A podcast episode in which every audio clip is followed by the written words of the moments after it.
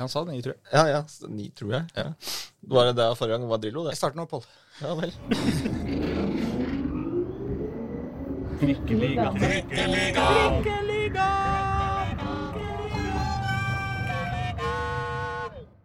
Hjertelig velkommen til Trikkeligaen. Det er sesong fire, episode ti. Og det er Håkon Thon som igjen er vikarlærer for en eh, syk Aslak eh, Borgersrud. Men det, det gjør kanskje ikke noe, det. Det er synd han er syk, selvfølgelig, men vi skal kose oss likevel. For vi har fått en, eh, en ny elev, holdt på å si, eller en ny gjest på trikken. Og det er denne gang Markus Melkjord, Skeid-spiller. Velkommen til deg. Jo, takk, takk for det. Debut i uh, podkastsfæren. Er du spent? Ja, det er noe nytt, eh, nytt for meg, dette, så det blir spennende. Ja, det er spennende. Det nærmer seg jo sesongstart for, eh, for Skeid i første divisjon. Vi skal selvfølgelig prate om det. De har akkurat spilt en cupkamp mot Molde. Men før vi dykker inn i materien, så hilser vi på Pål Karstensen. Hei, hei. Hei, Pål. Hei på deg. Er det bra? Det er fint. Fotball? Klar for fotballprat igjen? Klar for fotballprat. Alltid klar Du har aldri vært ikke klar for fotballprat. Det er korrekt. Og Reidar Solli. Han er her og ser fram til å møte en gjest som er ca. 60 år yngre enn forrige. Ja. Vi var jo hjemme hos Egil Olsen eh, forrige, for, i forrige uke, på Kringsjå. Og Det var blant annet dette spørsmålet han fikk, hvorfor han ikke aldri hadde trent Skeid. Han hadde trent Lyn, Vålerenga og Frigg. Det hadde ikke noe godt svar på. Det, det forventer jeg ikke at du har heller. Nei, kanskje tiden kommer. Jeg vet ikke. Jeg Du kanskje, Ja, kanskje det. ja, det er aldri for seint. Olsen kan overta Skeid. Ja. Nei, men der er jo alt på stell. Alt på stell. Det er en Olsen på tribunen. Han har sendt inn spørsmål. Det skal vi også komme tilbake til. Han er alltid på ballen. Han er alltid på ballen. God mann. God mann. Men eh, du legger jo litt press på han. Du må liksom skyte inn at vi hadde Drillo som gjest sist, og så nå, er det, nå skal Markus være gjest. Jeg føler du legger veldig press på. Hopper etter Drillo. Vi legger ikke Jeg regner med at geografikunnskapene Vi forventer ikke at geografikunnskapene dine ligger på samme nivå som Olsens. Men det var mest etter at Eller er du en geografinerd? Nei, jeg har ikke Da burde jeg forberedt meg litt bedre på geografien. i- i så fall. Har du egen is? Egen is? Ja, Drillo som Drillo er Drillo-isen. Nei, nei ikke, ikke ennå. Det burde, burde kanskje være et mål. Ja, det, kom, det kommer, det. Melkeorisen. Ja, til. Ja, melke, sånn melkesjokoladeis, liksom. Melkeorisen. Ja, Ja, I Skeidkiosken der burde Ja, de ha hatt, eh, hatt litt sånn Ja, det må Daniel. Jeg skal ta det med Daniel. Han må spille litt på det. Eh, Daniel er med på det. Ja, ja, det. Var ikke det vi fant ut, at uh, Melkjord, en av de tre vise menn, kom med gull? Ja. Så det Eh, Gullgutten. Melkjord. Gullgutten Melkjord. Ja, det, er- det er han Så der òg har Daniel også mer å spille på. Nå både melke... Me, kan også melke melkesjokolade. Skal vi gi oss der? Ja. Ja. Bra. Masse å ta av. Ja, Men uh, skal vi hoppe rett til uh, det siste som skjedde, da? Eh, helgas kamp mot eh, Molde. Vi snakka jo litt om det her før vi, uh, før vi starta sendinga. Det, dere leder jo eh, kampen 1-0. Du som skårer målet, og så får dere en eh, på snuta med en gang etterpå. Ta oss litt gjennom sånn eh, kjapt hvordan det var å være ute på det her eh, mot Molde. Ja, nei, Vi visste jo at vi måtte ta de At vi kommer til å få muligheter, men at vi måtte bruke de og ta de godt. Eh, Så var det jo utrolig deilig å sette den, eh, sette den skåringen. Eh, Og da føler vi at Jonny kommer løpende bort og sier at nå skal vi ta, bruke tid og gå ned i cornerflagg og ordentlig frustrere Molde, da. Var det Hvor, som hvor, lenge var var spilt, eh, hvor lenge var spilt her da du skåra? Hvor lenge hadde vi spilt, da? spille 18, 18 minutter ja, når, Ja. eh, når eh, Markus uh, skårte. Og Ja, så og det sto vel kanskje fortsatt 18 på, på klokka da, da de skårte, så Nei, det var, det var, veldig, var veldig surt. Uh, jeg vet ikke hva det går på, men vi snakket veldig om at vi skulle, skulle nå frustrere de, og, og det var bare å fortsette med det samme, men så er det noe um, Om det er tilfeldig, eller om vi er litt uh, Senker oss litt, er, er vanskelig å si, uh, men vi føler i hvert fall at det er en sånn scoring som uh, som kunne endre kan Ja, nå er jo de hadde de kanskje skåret uansett senere, men kan i hvert fall endre dynamikken litt i kampen. da. Jeg var jo oppe på treninga deres i, i nettopp LSK-hallen på fredag og snakka med, med Gard da. Og han sa jo at eh, vi ser jo litt på dette som en treningskamp, men måte hvis man gjør det bra og man finner på å vinne denne kampen, så er det et kjempeselvtilskudd. Hvis ikke så må man være litt realistisk og se at det er et godt lag. Det er Norges beste lag man faktisk møter her. Man, eh, han ville jo bruke den også til å prøve å finne ut hvor på en måte, som han sa, skoen trykker. da, Hvor, eh, hvor blir man avslørt? Men føler du egentlig at dere ble avslørt på så mye? Altså, når man skal si at det blir på en måte en test for å se hvor vi står, så føler jeg samtidig at det ikke nødvendigvis er så lett. Fordi ok, la oss si man blir, blir overkjørt, da. Så er ikke det nødvendigvis da at man ikke er langt ifra å være i rute i seriestart, for det er noe helt annet kaliber over det vi møter der, enn det vi skal møte, møte i serien. da. Eh, men som du sier, så føler jeg ikke vi, vi blir det. og eh, det, I hvert fall defensivt så føler jeg vi får det meste har grei kontroll. Vi får selvfølgelig en del, en del situasjoner, men vi står ganske godt. Um, og så er det jo litt på ja, vårt egne, eget uh, offensive spill når vi har ballen over lengre periode, da, hvor vi kanskje er litt oppjaget der, føler jeg. At vi går litt, litt kjapt uh, til verks. Um, og vi hadde jo snakket om kampplanen at vi skulle straffe de, eller prøve å straffe de kjapt når vi vant ballen, men så vurdere når vi skulle, skulle ha litt lenger etablert angrep, da. Så kanskje er der vi mest merker at vi må jobbe litt, da. Ja, for de skapte jo ikke store sjanser, egentlig. Så utenom skåringene, så er det ikke noe sånne det er ikke mange 100 %-sjanser de hadde. Ja, nei, jeg er jo litt sånn Jeg blir veldig, kan bli fort frustrert når vi ikke har ballen. Ja. Uh, men så går du inn til pause, og så når du prøver å tenke igjen situasjoner, så merker du at det er uh, Det var ikke så mye så, så store farligheter de hadde, da. Uh, så må man jo også se på motstander hva man, skal, hva man spiller mot. Så det var Nei, som du sier, så var det ikke så mye. Nei. Du, ble jo, du hadde jo en kjempesesong bak deg i skeitrøya i 2022, hvor du ble kåra til beste spilleren ja, både av supporterne og av Ja, alle. Ja, alle, egentlig. Ja, men det var vel to forskjellige kåringer, var det ikke det? Eller, Jo, jo, det var Hadde ja, ikke vi en kåring? da? jo, da, vi, Vi hadde jo en kåra det.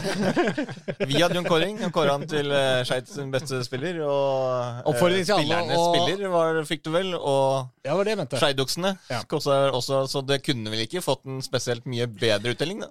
Det er bare oppfordring til alle om å, om å gå inn og lese, gjøre det jeg ikke gjør, gå inn og lese Dagsavisen. Ja, ja, for er der får du det. alle svara.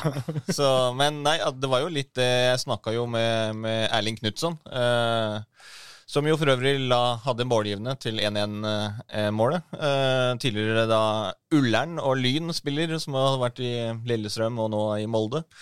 Og han sa jo akkurat det som du påpeker. Altså eh, at de var veldig glad for at de fikk det målet så veldig fort. Fordi eh, de har jo vært med på mange flere sånne tilfeller og spilt mot lag eh, også som er jo dårligere enn de, da. Det er jo egentlig alle i hele Norge. Men eh, eh, jo lengre tid det går, jo mer ubehagelig blir det jo for eh, favorittene å ikke få det målet. Så han var jo veldig glad for at de fikk det målet med, med en gang, liksom. Ja. Ja, nei, Det er jo noe veldig sånn spesielt med cupen. De første ja, to-tre rundene så er det jo vi som går rundt og på en måte har høye skuldre. og Det er ikke de morsomste kampene, spiller mot lag fra lavere divisjoner. Og så plutselig så kommer du til fjerde-femte runde hvor man er underdoggen, og da har man alt å spille for. og det er, er det plutselig er morsomt. Så ja, hvor de, vi hadde stått i de situasjonene tidligere hvor vi hadde Oppsal to år på rad, så er det de som føler på det nå. Um, men det gir jo veldig spennende, og, spennende kamper som jeg tror er veldig underholdende, i hvert fall, og, og godt for fotballen og underholdningsmessig. Så må du ta oss gjennom straffesituasjonen, da, som i hvert fall de fleste av oss som så kampen, syns du skulle bli snytt for det straffesparket. Ja. Hva skjedde? Uh, nei, nå har jeg vel forklart til de fleste hva dommerens uh, forklaring var, som jeg mener er veldig dårlig. Uh, de vurderte det i pausen hvor de snakket om det, og jeg snakket med han etter, og da sa han at eh, han ser det tydelig, at det blir tatt med bakerste fot, Um, men han mener at det er et uhell, rett og slett, at uh, Molde-spilleren ikke prøver å ta meg, og at derfor velger han å, å ikke blåse på det. Uh, og da blir jeg egentlig mer sjokkert, uh, for det hadde vært en ting om han ikke så det, men når han sier at han ser det, um, men at det ikke var intensjonen, og at det er derfor han velger å la det gå, så syns jeg det er veldig merkelig, og egentlig ikke noe jeg har hørt før, da. Eh, så Det er veldig fascinerende med mm, mm, når dommere sier at det ikke er intensjonen. For det er vel aldri noen ja, noen få unntak, men nesten aldri har det vært intensjonen til en forsvarsspiller å lage straffespark. Det er jo ikke sånn at de går inn i en situasjon og nå skal jeg sparke beina vekk under han, sånn at han ikke rekker bort til ballen. Alle prøver jo å ta ballen, eller unngå å lage straffespark. Så intensjonen er jo til enhver tid alltid å prøve å stoppe det angrepne laget. Jeg skjønner hva du mener, for her kan, han kan løpe en annen vei, f.eks. en annen retning, bare snidde borte og sånne Ja. ting. Men, men like fullt, du har jo mista ballen, du har mista fotfestet. ja, Altså, det er jo sånn regelen er òg. Altså, det står jo ikke liksom Hvis du er uheldig og feller en spiller, så er det ikke straffespark. Altså, felling er, Det er det jeg felling. mener, hvis du liksom. bare setter inn en annen setting, da. Ja, ja. En kamp om ballen, begge sklir inn etter den. Det er klart, han er jo, Hvis han da treffer deg i leggen istedenfor ballen, han prøver å gå etter ballen, så er det fortsatt straffespark hvis han ikke treffer ballen. Jeg tror han Inntil- mener at han prøver ikke å gå etter ballen i det hele tatt. Nei, da, at det er bare sånn at vi krysser, Men man ser jo ofte hvor en bare på en måte treffer hælen, og at Mm. det ser veldig soft ut, men at man går i bakken fordi det er, er høyt. Men det er jo akkurat det, fordi det er altså, Det skal veldig lite til, i hvert fall når det er i bevegelse. Mm. Men hindrer du altså, da, altså motspilleren eh, i å nå ballen, eller ta ballen, eller altså sånt, så, så er det jo en forseelse. Vi så det jo senest i helgen når Jota holdt på å skåre for, eh, for Liverpool, og hånden til uh, Bournemouth-spilleren var oppe i luften, så han, det var ikke intensjonen å stoppe ballen nødvendigvis, Nei. men uh, Nei, men Parallelt til hand, hand, hands-regelen er, jo- er jo påfallende. Ja. Det er ikke, Viljehens. Det er ikke noe ord som brukes lenger. Nei. Det gjelder jo ikke lenger. Nei. Jf. Staten Olsen for en uke siden. Ja, For det er den regelen han er mest oppgitt over. ja, for det er det som er poenget her, mener jeg. Selv om dette eksempelet med deg, da, Markus, det er jo at ikke sant, ja, han, han er kanskje faktisk uheldig. At han er aldri prøver å gå etter ballen og sånn sett bare bommer. Men samtidig, hvis, du bruker det svaret til dommeren, så blir det på en måte Da kan du putte det i alle situasjoner. Det er det jeg mener at intensjonen er aldri å lage straffespark. Intensjonen er aldri å ta ballen med hånda. Luis Suárez stoppa en ball med hånda på streken en gang, med intensjon. Det fins noen unntak, på en måte, men det er sånn én av hundre ganger at det er noen som faktisk prøver å stoppe noen med noe ufint uh, spill. Han beit vel også med intensjon. Han, det? Det gjorde et par ganger. Men det var kanskje mer i affekt. ja, det er mulig. Men det var intensjon. Det var, ja. ja, men det er ikke sikkert han gikk bort og tenkte 'nå skal jeg bite den'. i kallen', det bare tatt inn igjen.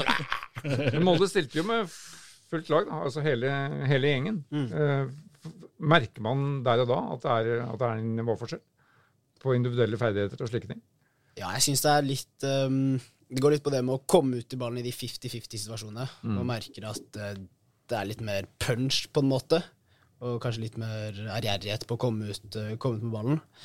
Um, men så tror jeg også man spiller opp nivåforskjellen litt selv. eh, for når man sitter i etterkant, så føler man på en måte at de gangene vi går 100 for det presser høyt, f.eks. Jeg føler vi har noen gode situasjoner hvor vi greier å ta de høyt, da, men at vi ikke tør å gjøre det ofte nok. da. Så det er selvfølgelig, det er selvfølgelig nivåforskjell, men det går litt på um, Går litt på mentale òg, tenker Ja. jeg. Det var mange av de situasjonene, spesielt på corner til Molde, Ja. som førte jo ofte, eh, overraskende ofte til kontring for Skeid. Eh, og det er jo sånne ting som kanskje også er eh, for det, Spesielt i første gang så syns jeg at eh, Skeid var veldig gode på akkurat den biten. Det var jo veldig tydelig hva som var kampplanen, og det var jo å ligge og forsvare seg lavt og, og kompakt. Og så gå på de kontringene når dere fikk de. Og det gjorde dere jo virkelig òg. Og det, altså, så det var ikke sånn kjempestor forskjell på, på dere og Molde i den første gangen. Så kan du jo si liksom at Molde gjerne, hvis de hadde trengt, så kunne de skrudd opp et hakk eller to, kanskje.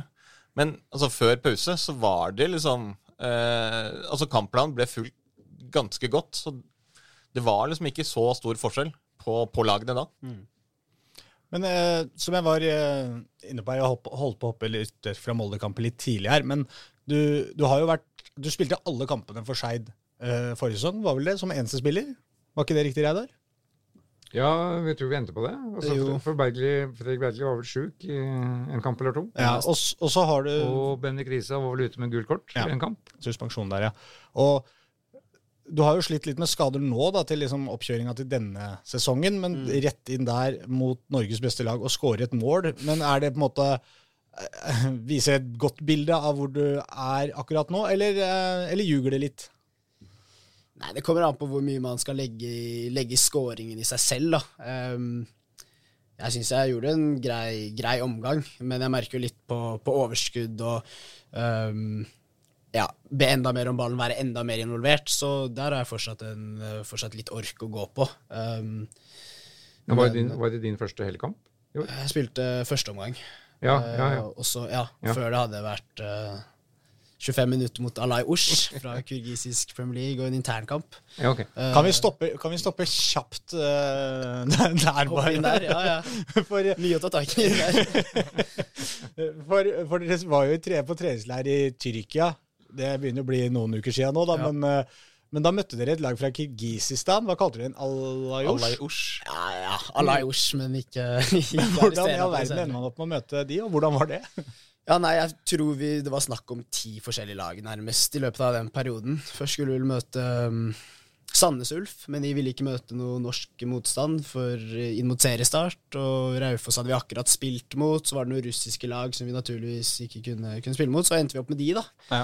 Um, og ikke Ullkisa også i bildet? Ullkisa ja, skulle jo også møtes eh, nede der, men de, eh, det var noe, der var det noen problemer med skader og noe sykdom og sånn, så de kunne ikke stille lag før uke to av oppholdet eller et eller annet. Ok. Nå- ja. Nei, hva skal man si om Alay Osh? Eh, Christian Kleppe fikk jo ja, jobbe med å analysere, analysere de, og vi hadde egentlig veldig lite anelse om hva vi ikke gikk til å skulle spille mot. Så var egentlig ikke fokuset det, men det var, eh, sånn nivåmessig så var det greit. Det var jo Vi vant 2-0, burde kanskje vunnet med litt, eh, litt mer. Men det er alltid morsomt å møte noe eksotisk og annerledes. Tviler på at jeg kommer til å spille mot de igjen. Med det. Jeg føler det er litt sånn da du spilte Norway Cup, Ja. og så så du når trekninga hadde, eller når gruppene hadde blitt satt, så var det sånn Du gikk jo inn med en gang og sjekka er det noe gøyale utenlandske lag. Og det er sånn typisk lag jeg føler kunne dukka opp da à la Josh. Hva er det for noe? Ja, ja, men vi vet ingenting, men det kan bli gøy, på en måte. ja, Du vet ikke om det er et seriøst lag eller bare noen gutter som bare har lagd et lag. Men når du da eh, hatt denne sesongoppkjøringa, det, det, tror du på en måte at den skaden du har fått, er det et resultat av at du rett og slett spilte veldig mye forrige sesong, eller? Ja, eh, jeg tror det. Um, det kom jo Egentlig så skulle jo ikke den ha dukket opp, men det var i Arendal-matchen, første, første oppgjør. Så det er jo egentlig etter uh, opprinnelig sesongslutt. Ja. Um, og da, ja, det hadde jo vært så mange tette og jevne og viktige kamper på slutten der at jeg hadde måttet uh, Hvor man kanskje hadde liksom rotet litt ned litt tidligere, da. Så hadde det blitt mange 90 minutter. og så, så er det, hadde det egentlig vært nesten rart om det ikke hadde dukket opp litt greier i, i kjølvannet av det, føler jeg. Så det har vært litt fokus på rundt deg som person, at du liksom har blitt stempla som Skeis mest attraktive spiller og aktuell for klubber i Eliteserien og slike ting. Hvor, hvor reelt har det vært? Um, ja, nei. eh, det har ikke vært så mye som har eh, jeg, har- jeg har ikke snakket med noen særlige klubber. Eh, det har stoppet eller Skeid og diverse klubber har snakket sammen. Um, så jeg vet ikke nøyaktig hvor i løpet det har vært. Um, hatt mest fokus bare på ja, det jeg kan gjøre noe med. Eh, men det er jo alltid hyggelig å, hyggelig å få anerkjennelse og at det er litt, uh, er litt oppmerksomhet rundt. uh, ja, etter en god sesong. Ja. Mm. Ja, når du da, som jeg var inne på i stad, når jeg prøvde å hoppe vekk fra Molde-kampen litt kjapt, men som sagt, så du ble kåra av Skeid-supporterne, av spillerne innad i laget og av oss, åpenbart, til eh, beste Skeid-spiller i forrige sesong. Da har du jo lagt lista ganske høyt for eh, den kommende sesongen. da, hvor, Både for deg og Skeid sin del. Hvordan ser du på det som venter nå? Jo, nei, jeg tror vi går en, vi går en veldig spennende, spennende tid i møte. Um, hvis vi ser på, på høstdelen av sesongen i fjor, og særlig de siste kampene, så så vi at det var veldig følte jeg vi hadde veldig stort potensial. da. Så um, hvis vi greier å bygge, bygge på det, så kan det bli veldig spennende. Så har vi begynt å trene på, på dagtid også, så vi går gjennom en profesjonalisering, eh, profesjonalisering i klubben. Um, så sånn sett er det viktige viktige år, og år, eh, både ett år og to-tre år, som kommer for Skeid og, og meg selv også, selvfølgelig. Når man sier at man har begynt med å trene på dagtid, hva, hva betyr det? At det er noen dager man trener på dagtid bare, da? Ja, riktig. Så da blir det onsdag til fredag trener vi på dagtid, da. Ja, ok, ja. Med treningsstart klokken ti. Og så gjøre diverse andre ting etter det, har skole og jobb. Ja. Men er det mulig å trene på Nordåsen nå? Det ser ut det er. Det er veldig hvitt ute. Akkurat i dag, eh, eller ikke bare akkurat i dag, men også i dag, tror jeg det hadde vært, eh, vært vanskelig. Ja. Eh, Snø er vel egentlig ikke det største problemet, det er bare å måke bort. Men når det er mange minusgrader, så tar jo den kokosen Um, Korken trekker til seg vann mye lettere, Ja. så fryser mye raskere. Ja. Så vi har trent på litt, litt forskjellige steder, blant annet Valle Hovin og ja, litt okay. forskjellig. Ja. Mm. ja eller eh, Valhall, kanskje? Nei, vi har trent ute. Oh, ja, på Des- Hovin? Dessverre, ja. Ja, ok. ja, dessverre. Ja. ja. Valle heter det. Valle Ja, Hoven Valle Hoven er en gammel skøytebane Ja, det var det jeg tenkte, som at skøytebanen ja. Ja. Så det er Valle, Vallefeltet. det heter Vallefeltet, ja, ikke på skøytebanen, nei. Nei. Omtrent som å trene på Nordråsen da. På Ja. det skøytefeltet. Det kan man si. Ja, men jeg og Pål her, vi har jo diskutert eh, før i denne sesongen her eh, Vi vedda vel ved en eller annen episode her hvor jeg sa at jeg trodde Skeid kom til å havne over KFM på tabellen denne sesongen. Eh, hvorfor har jeg rett i det? Hvorfor har du rett i det? Ja. Fordi det kommer vi til å gjøre. Nei, får se. Vi føler jo at Skeid og Koffa er to um, klubber som egentlig ikke skal skille så mye mellom. Uh, både ja, ramme rundt og egentlig, egentlig spillere og sånt òg. så har de ligger de litt foran oss i løypa. Rykte opp, uh, eller i hvert fall var oppe litt før oss. Um, så vi ser jo ofte bort dit og tenker at det er ikke noen grunn til at vi ikke skal være der hvor de er, uh, og kjempe, kjempe den siden av kvalifiseringene. Så vi håper jo å kunne utføre der eh, ja, forhåpentligvis ganske raskt. Ja, for jeg, noe, du var inne på det, du, for noe av bakgrunnen for at jeg på en måte har sagt, eller eh, våget meg frampå med den påstanden, er jo fordi at jeg syns det dere leverte mot slutten av forrige sesong, var såpass spennende.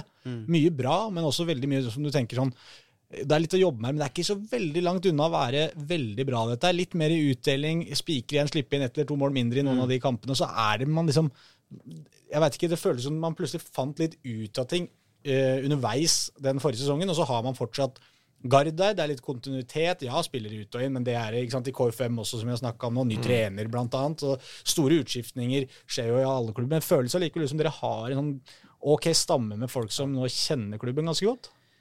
Ja, og selv om vi hadde et uh, godt lag på papiret, så tror jeg ikke vi hadde så mye erfaring nødvendigvis fra det nivået. Uh, vi har selvfølgelig Jonny som har vært eh, og spilt der tidligere på høyt nivå, men f.eks. Fredrik da spilte ikke vel ikke så mye Obos sist vi var oppe, om jeg ikke husker feil. Så det er kanskje litt at man ble grepet litt av alvoret på en måte. Man kommer ned til Skagerrak Arena eller diverse andre arenaer, da, og så spiller man bra, og så begynner man kanskje å tenke litt etter hvert, osv. Men at det i år så er det kanskje ikke nødvendigvis um, like ikke, og Det er flere av oss som har vært gjennom en full sesong der, da. Uh, så kanskje at vi da har Ja, jeg tror absolutt vi har vokst på det, og at det kan, um, kan være en viktig del av det, og også en viktig del av hvorfor vi vi begynte å um, sanke, sanke, litt flere poeng på slutten av matchene mot andre halvdel. Det, ja, for Dere fikk jo god trening i å takle ettmålstap. Uh, det ble nesten komisk. Nesten som til Sankthans. Ja. ja, det, det, jo, ja, men det, det snakka vi mye om i fjor. da. Ja, men Slik blir jo litt en ond sirkel også. ikke sant? Ja. Så er det sånn OK, du har sluppet inn på slutten tre-fire ganger, og så burde man kanskje egentlig ikke snakke om det, fordi mm. det er tilfeldigheter osv., og, og så begynner man å snakke om det, så kommer det åtte minutter, så begynner du å tenke mer og mer på det. Så når først da bare det målet ikke kommer, så merker man at det er, det er, på en måte ikke noe å være redd for. Man skal være obs på det, men mm. man må ikke begynne å overtenke det heller. da. Ja, men det, det klarte jo å snu det, da, mm. til de grader. Ja, og det er jo en sånn, det er et mer tydelig eksempel på hvor, eh, hvor, viktig det mentale er i fotballen. får man det nesten ikke, sånn for oss som sitter bare og ser det fra utsida. For dere kunne jo spille Eh, plettfri 80 minutter defensiv fotball uten å slippe til en eneste målsjanse omtrent. Mm. Og så bikka man 80, og så plutselig bare ble ballen sparka i alle retninger. og Det virka som at folk fikk panikk idet klokka bikka 80. Og Jeg husker til og med jeg snakka med Gard etter at det hadde skjedd enda en gang.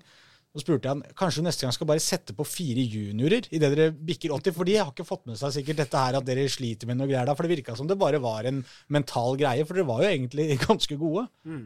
Og samme, husker, Det verste var vel kanskje den der, eh, var det Grorud-kampen, da vi var der, Reidar? Var ikke vi der da? når eh, Nei, da vant dere på overtid, da. Ja, da var, ja, da, ja. ja, det var det motsatte. Var ikke da det snudde? Jo, var da det, det snudde. Ja. det var, men det er jo litt sånn Jeg husker type mot Bryne, for eksempel. Når, uh, I fjor. Uff, ja, det, det. Det var liksom Det var ingenting. Altså, hadde ingenting. Og så plutselig, da, helt plutselig, langball på poler inn i feltet. Mm. Mål. Ja. Og så ble det sånn tape der. Og, sånn. For det var litt sånn eh, Kamp mot Brann, for eksempel. Altså, dere har spilt mange gode kamper. Ja. Men sånn, Brannkampen, der ble det vel Brann skårte sju minutter på overtid, og feira allerede der som de hadde vunnet igjen Ja. Eh, og det er liksom sånne ting går jo igjen, selv om du leverer gode prestasjoner og ikke får noe ut av det, så, så, så er det litt tungt over tid. Men det er vel også mulig å få med seg liksom Litt sånn som i går, da, selv om de tapte 3-1 mot, mot, Molde. Mm. Ta med seg litt av prestasjonene og ser at det her er faktisk Norges beste lag. Ja. Mm. Hvis du kunne henta tilbake en Eller kanskje ikke henta tilbake, men bare henta én spiller til, eh, til Skeid nå, som du har spilt med, hvem ville du henta? Oi, det Kan enten være en personlig favoritt eller, en, eh, eller noe du tenker at det hadde passa liksom Skeid. ja, nei, hvis jeg skal si en jeg har tenkt på jeg tror hadde passet bra inn, som uh, vi har kjennskap til, og som var der i fjor, så kunne jeg gjerne tatt uh, Simon Kvi Egeskog tilbake fra, fra ja. Viking. Mm. Jeg syns det var en god tilvekst. Og, var det han som hadde chipen i, som gikk i tverra? Spilte vegg med seg selv fra 40 meter, ja. Mm. ja. Jeg må, må ta sende han en melding og prøve, prøve å lokke han, lokke han, tilbake litt til. Ja, Han var spennende. Ja, han, morsom. Mm. Han kom som innbytter i går, for, for Viking mot Rosenborg. Ja, det gjorde det, ja. I den cupkampen. Mm. Han skal vel ha litt uh, Få mulighet til å vise seg fram der, uh, der først. Ja, så er jeg enig. Morsom, morsom fyr. Spesielt ja. nå som dere også har uh, solgt Jakob mm. til, uh, til, Tromsø. Så mm. hadde jo Kvie Egeskog absolutt vært veldig interessant på, på den ene kanten der. Ja. Fått veldig mye spilletid, tror jeg, så i, i Skeid. Han ja, det var spennende å se han i, i fjor. Han hadde mye, mye gode kvaliteter. Mm. Hvis du kunne henta en, eh, hvis du kunne åpna lommeboka enda litt mer og henta hvilke spiller som helst Snakk, Vi snakker Ronaldo og Messi. Ja, ja bare hva, hva du ville ha hatt, liksom. Um, ja, Daniel Bråten? Daniel Bråten, ja. Vi venter jo fortsatt på at Daniel Bråten skal møte opp på treningsfeltet til Skeid. Eller kom du etter, Nei, etter, etter, det, han mm, han ga seg vel eh, ga seg vel da jeg kom det året. Trente Ja. litt med han. eh, altså. Ja, så du fikk noen treninger med han? Ja. Det var det. Ja, ok. Ja, Ja, det var han, fascinerende. han- Så, så stopper og så har god tid, og så ender han opp med å skjerme innenfor egen 16-meter. Men fem sekunder senere så har han dribla seg over midtbane og, og spiller jeg ikke har sett, eh, sett sånn før. ja, ja. Men sånn var det. I hvert fall den siste sesongen hans, så var det jo sånn. Kunne finne på absolutt hva som helst. Han kunne spille i hvilken som helst posisjon. Og det var jeg tror nesten det eneste eh, når vi hadde satt opp lagoppstilling etter hver kamp. Bomma nesten hver eneste gang på utgangsposisjonen til Daniel Bråten. ja, for han spilte vel på alle plasser? Bort Ja, ja, han spilte bort jo keeper. bort fra keeper. Ja. Og det var sånn eh, Plutselig så var han sånn nede på venstre bekken, og så raida opp hele Altså alt gjorde alt. Og det var vel kanskje noe av det siste han gjorde. Det var vel i en kvalifiseringskamp der eh, også. Han raida over hele banen og skåret et tidenes mål, liksom. Og så, så Nei, vi, vi venter jo fortsatt på at Daniel Bråten egentlig skal møte opp på Skeid sitt treningsfelt. Han skårte Ja, det stemmer. Det var, var kvalikkamp mot Asker mm. i, sist, i desember. Ja, det stemmer. Hvor selvfølgelig Ståle Solbakken var på plass. og så, Det var den første klubbkampen Ståle Solbakken så etter at han hadde blitt ny landslagssjef. Asker Skeid? Asker Skeid. Ja. Eller Skeid Asker. Skeid Asker, Ja, ok. Ja. I åtte, sju minus, var det. Ah, var det ikke åtte? Kanskje, kanskje, kanskje, kanskje det. Men ja, det var kanskje ikke Dan Bråten som var svaret på spørsmålet mitt. Ja, du skal ha et, du skal ha et seriøst Ja, svar, ja. ja. Um, Det kan være, du- det, det, igjen, det kan jo være en, du bare, en type fotballspiller som du digger, eller noe som du tenker han hadde vært bra for Skeid. Han kunne gjort mye. ja, men da må jeg jo gå for uh, ja, Det er litt kjedelig. Jeg må jo si Messi, da, i så fall. Messi, det er ikke kjedelig, på en måte. Det er litt kjedelig er litt å kjedelig. si uh, er tidenes verdens fotballspiller, men, uh, Men du, hvis spørsmålet Han kunne gjort mye bra for Skeid. Han kunne jo fått til litt. Ja. er. Nei, men da tenker jeg ikke på det. Da tenker jeg heller på å bare spille med Messi. Det må jo det Er det, er det det største forbildet? Ja, ja, uten tvil. Han og så var det Gerrard i, i yngre dager. Så Ja. er det Messi nå. Ja, Hvis du slår de to sammen, da har jo Hvis du har arbeidskapasiteten til Girard, putter den inn i Messi, så har du jo da Ja, det er uslåelig. Er du, er du på Liverpool-sporet du går? Jeg er på Liverpool, da. Ja, Ok. De, de har hatt mange gjester da, som driver med Liverpool. Ja, det er fint, det. Ja, det, det liker du. det liker du. Ja, populært er bra. Kan jo, Men vi må litt tilbake til bak, Vardammen, holdt jeg på å si. Altså, Ja, skal vi gjøre det? Skal vi skru tida litt tilbake, kanskje, for å bli mer kjent med, med deg? Hvis vi setter oss i en tidsmaskin og, og skrur tida tilbake, hvor, hvor havner vi da? Hvor starta den? dette? Det starta i Frigg, Jaha. ved, ja, på Majorstuen. Er du, hvor er du fra, på en måte? Er du fra Majorstua, eller? Ja, jeg Ja. er fra Majorstuen, Frogner-området. Ja. Mm. Eller jeg var vel, eh, for å være presis, så var det vel ett år på Reddy eh, i forkant, fra fem til seks, for det var ikke mulig å spille fotball eh, i noen andre klubber før man fylte seks, så da Jeg vet ikke om det var jeg som elsket fotball allerede da, eller om det var pappa eller mamma som pushet på meg, men eh, de kjørte vel i hvert fall opp dit for å la meg spille allerede et år, et år tidligere. Mm. Ok, så det var, det var lov å tjuvstarte i Reddy? Ja. Ja, det, jeg har ikke så mange minner av det selv, men det er det jeg har blitt fortalt, i hvert fall. ja Mm. Hvilket år er vi da? Da er vi vel i 2006. Ja. Mm. Da begynner du ready. Ja. Ja. Men det teller jeg. Jeg teller egentlig ikke det. Nei da. Det er Frigg som er første, første klubben. Ok. Mm. Men der drar du på din første trening, for å si det på den måten. Ja. Ja. Og så blir det kjapt Frigg. Mm. Ja. Er det 2006-2007 her, eh, dette aspektet? Hva, hva slags eh, liksom, Hvor var Frigg da, på en måte? Var, var eh, Frigg da var vel litt opp sånn som nå, egentlig. Ja. Syns å huske at de var, var i andre div. Eh, Vi drev og så på en del kamper på, på Frogner stadion. ja, Og det var ingenting som var større enn å være, være ballgutt eh, være ballgutt der. for A-laget til Frigg? Mm. Ja. Så du, du, er på en måte Var du Frigg-supporter, på en måte, eller hadde du et annet lag? Jeg har egentlig ikke hatt noe særlig lag i Norge. Nei, Det var ikke sånn at Um, Lyn på en måte kom inn der og Jeg tror jeg heide på Lyn en liten stund fordi jeg av en eller annen grunn havnet i Flaggborg der, på, på Ullevål Å, ja. mellom, Lyn og, mellom Lyn og Vålinga. Men det la jeg fra meg, la jeg fra meg fort, uh, for fort, heldigvis, kan man si. Jo, men eh, hvis du er en liten gutt som står ute på matta i, mellom eh, Lyn og Vålerenga, så, så er det mulig å bli litt revet med. Ja, ja. Det var, det var nok det som skjedde. Ja. Mm. Men barnefotball var i Frigg, altså. Barnefotball var i Frigg Ja. i, ja, fram til jeg fylte 12-13. 13, tror jeg det var. Ja. Det er da man går over til 11, tror jeg ikke det? Det er det kanskje også. Det var Jeg tror- den, den gangen, kanskje. Ja, jeg tror jeg hadde spilt Elvi litt, eh, litt før det Ja. Før det òg. Ja, I Frigg. Ja. Ja. Spilte jo på tre-fire lag eh, den, den tiden. Var jo så ivrig. Var jo litt eh, på min eget årskull, selvfølgelig. Og så opp og ned og på diverse cuper med 99 og 98 og nuller og mye, mye du ble, forskjellig. det ble lånt ut til diverse lag. i- Ja, ble lånt lå, litt, lå litt fram og tilbake. Kunne ha flere ja, Kanskje ikke tre, men i hvert fall to økter på en dag. Og Det var litt som turbo, turbospiller? Var, Ja, var, var, henger var, var, det var midtbanespiller hele tida, eller? Eh, ja.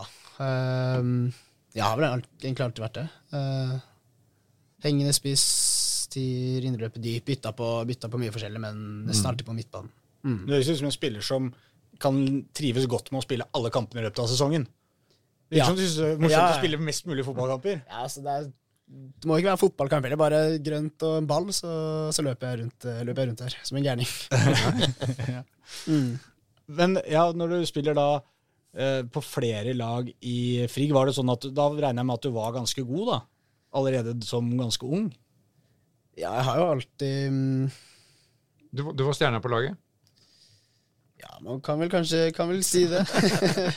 I all vi, beskjedenhet. hadde, vi, hadde mye, vi hadde mye bra spillere. Vi hadde en, eh, en gjeng som var veldig gode, som trente, veldig, som trente mye. eh, og som hadde mm, Skal ikke legge skjul på at jeg hadde ambisjoner, ambisjoner tidlig. Og så på Messi vinne gullballen og var sånn Det er ikke noe grunn til at jeg ikke skal vinne den, vinne den også. Så det var ambisjoner, ambisjoner fra jeg var, eh, var veldig ung. Mm. Men hvem spil ja, er, det noen, eh, er det noen andre du spilte med fra litt sånn ung alder i Frigg, som på en måte fortsatt spiller fotball på ok nivå, eller? Vi har um, en god kompis av meg, Philip Slørdal, som er i Lillestrøm. Ja. Mm. Um, er vel uh, At de jeg spilte mye med, den eneste. Uh, men uh, så har vi to år yngre Petter Nåsa Dahl, er jo i Koffa, og også spilte i Frigg.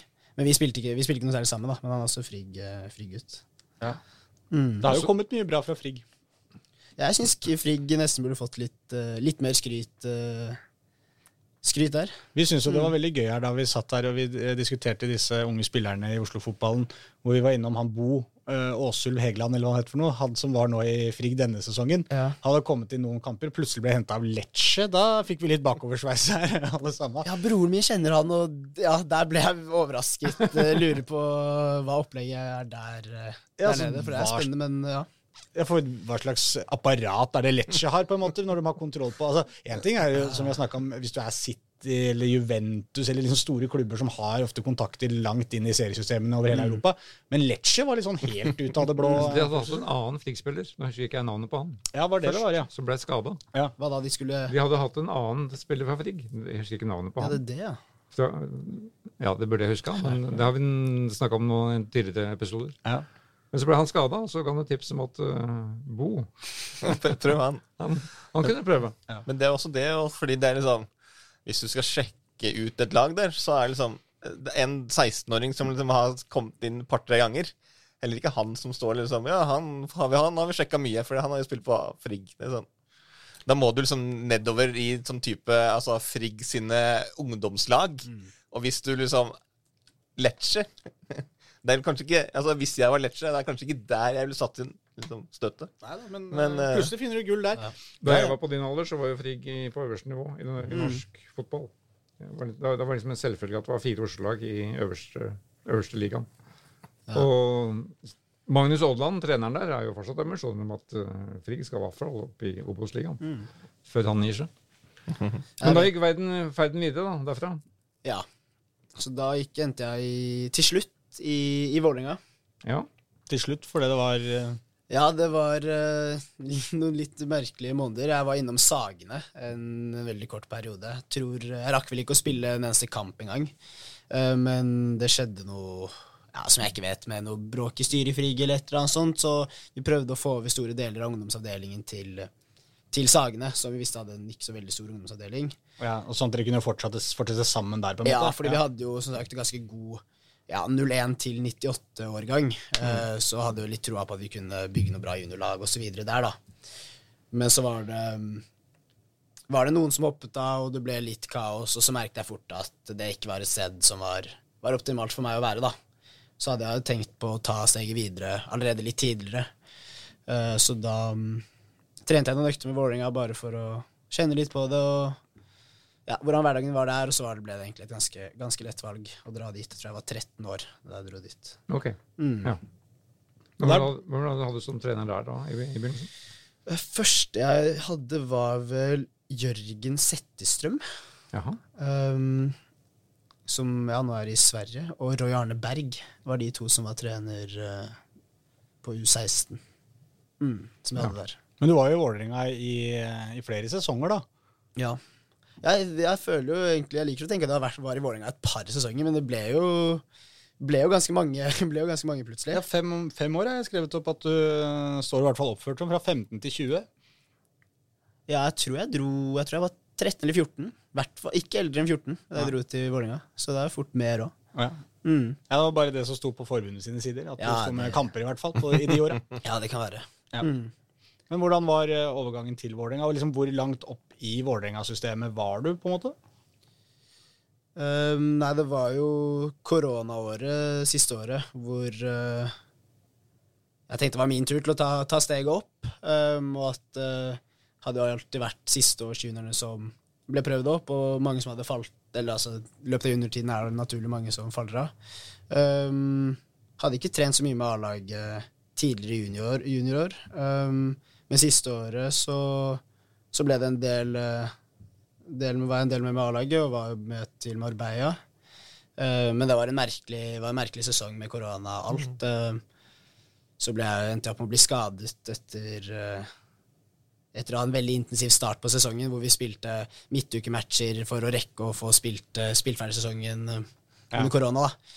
Eh, og da var jo det på en måte kroken på døren. Så vet jeg ikke hvordan det hadde sett ut ellers uansett. Um, men jeg fikk i hvert fall litt erfaring med å, med å være med å trene på A-laget og være med litt under Fagermo og så videre, så det var, var fint, det. ja, for du fikk med deg hans Det var hans første sesong det, i klubben. Um, det 20, ja, det var hans eh, første, for det var Deila litt først. Ja. litt der, og så, ja 2020 blir det vel. Ja. Mm. Men hadde du Gard som trener noen gang? Der, i- Ja, jeg hadde um, Gard var vel juniortrener da jeg kom opp på junior, ja. Ja.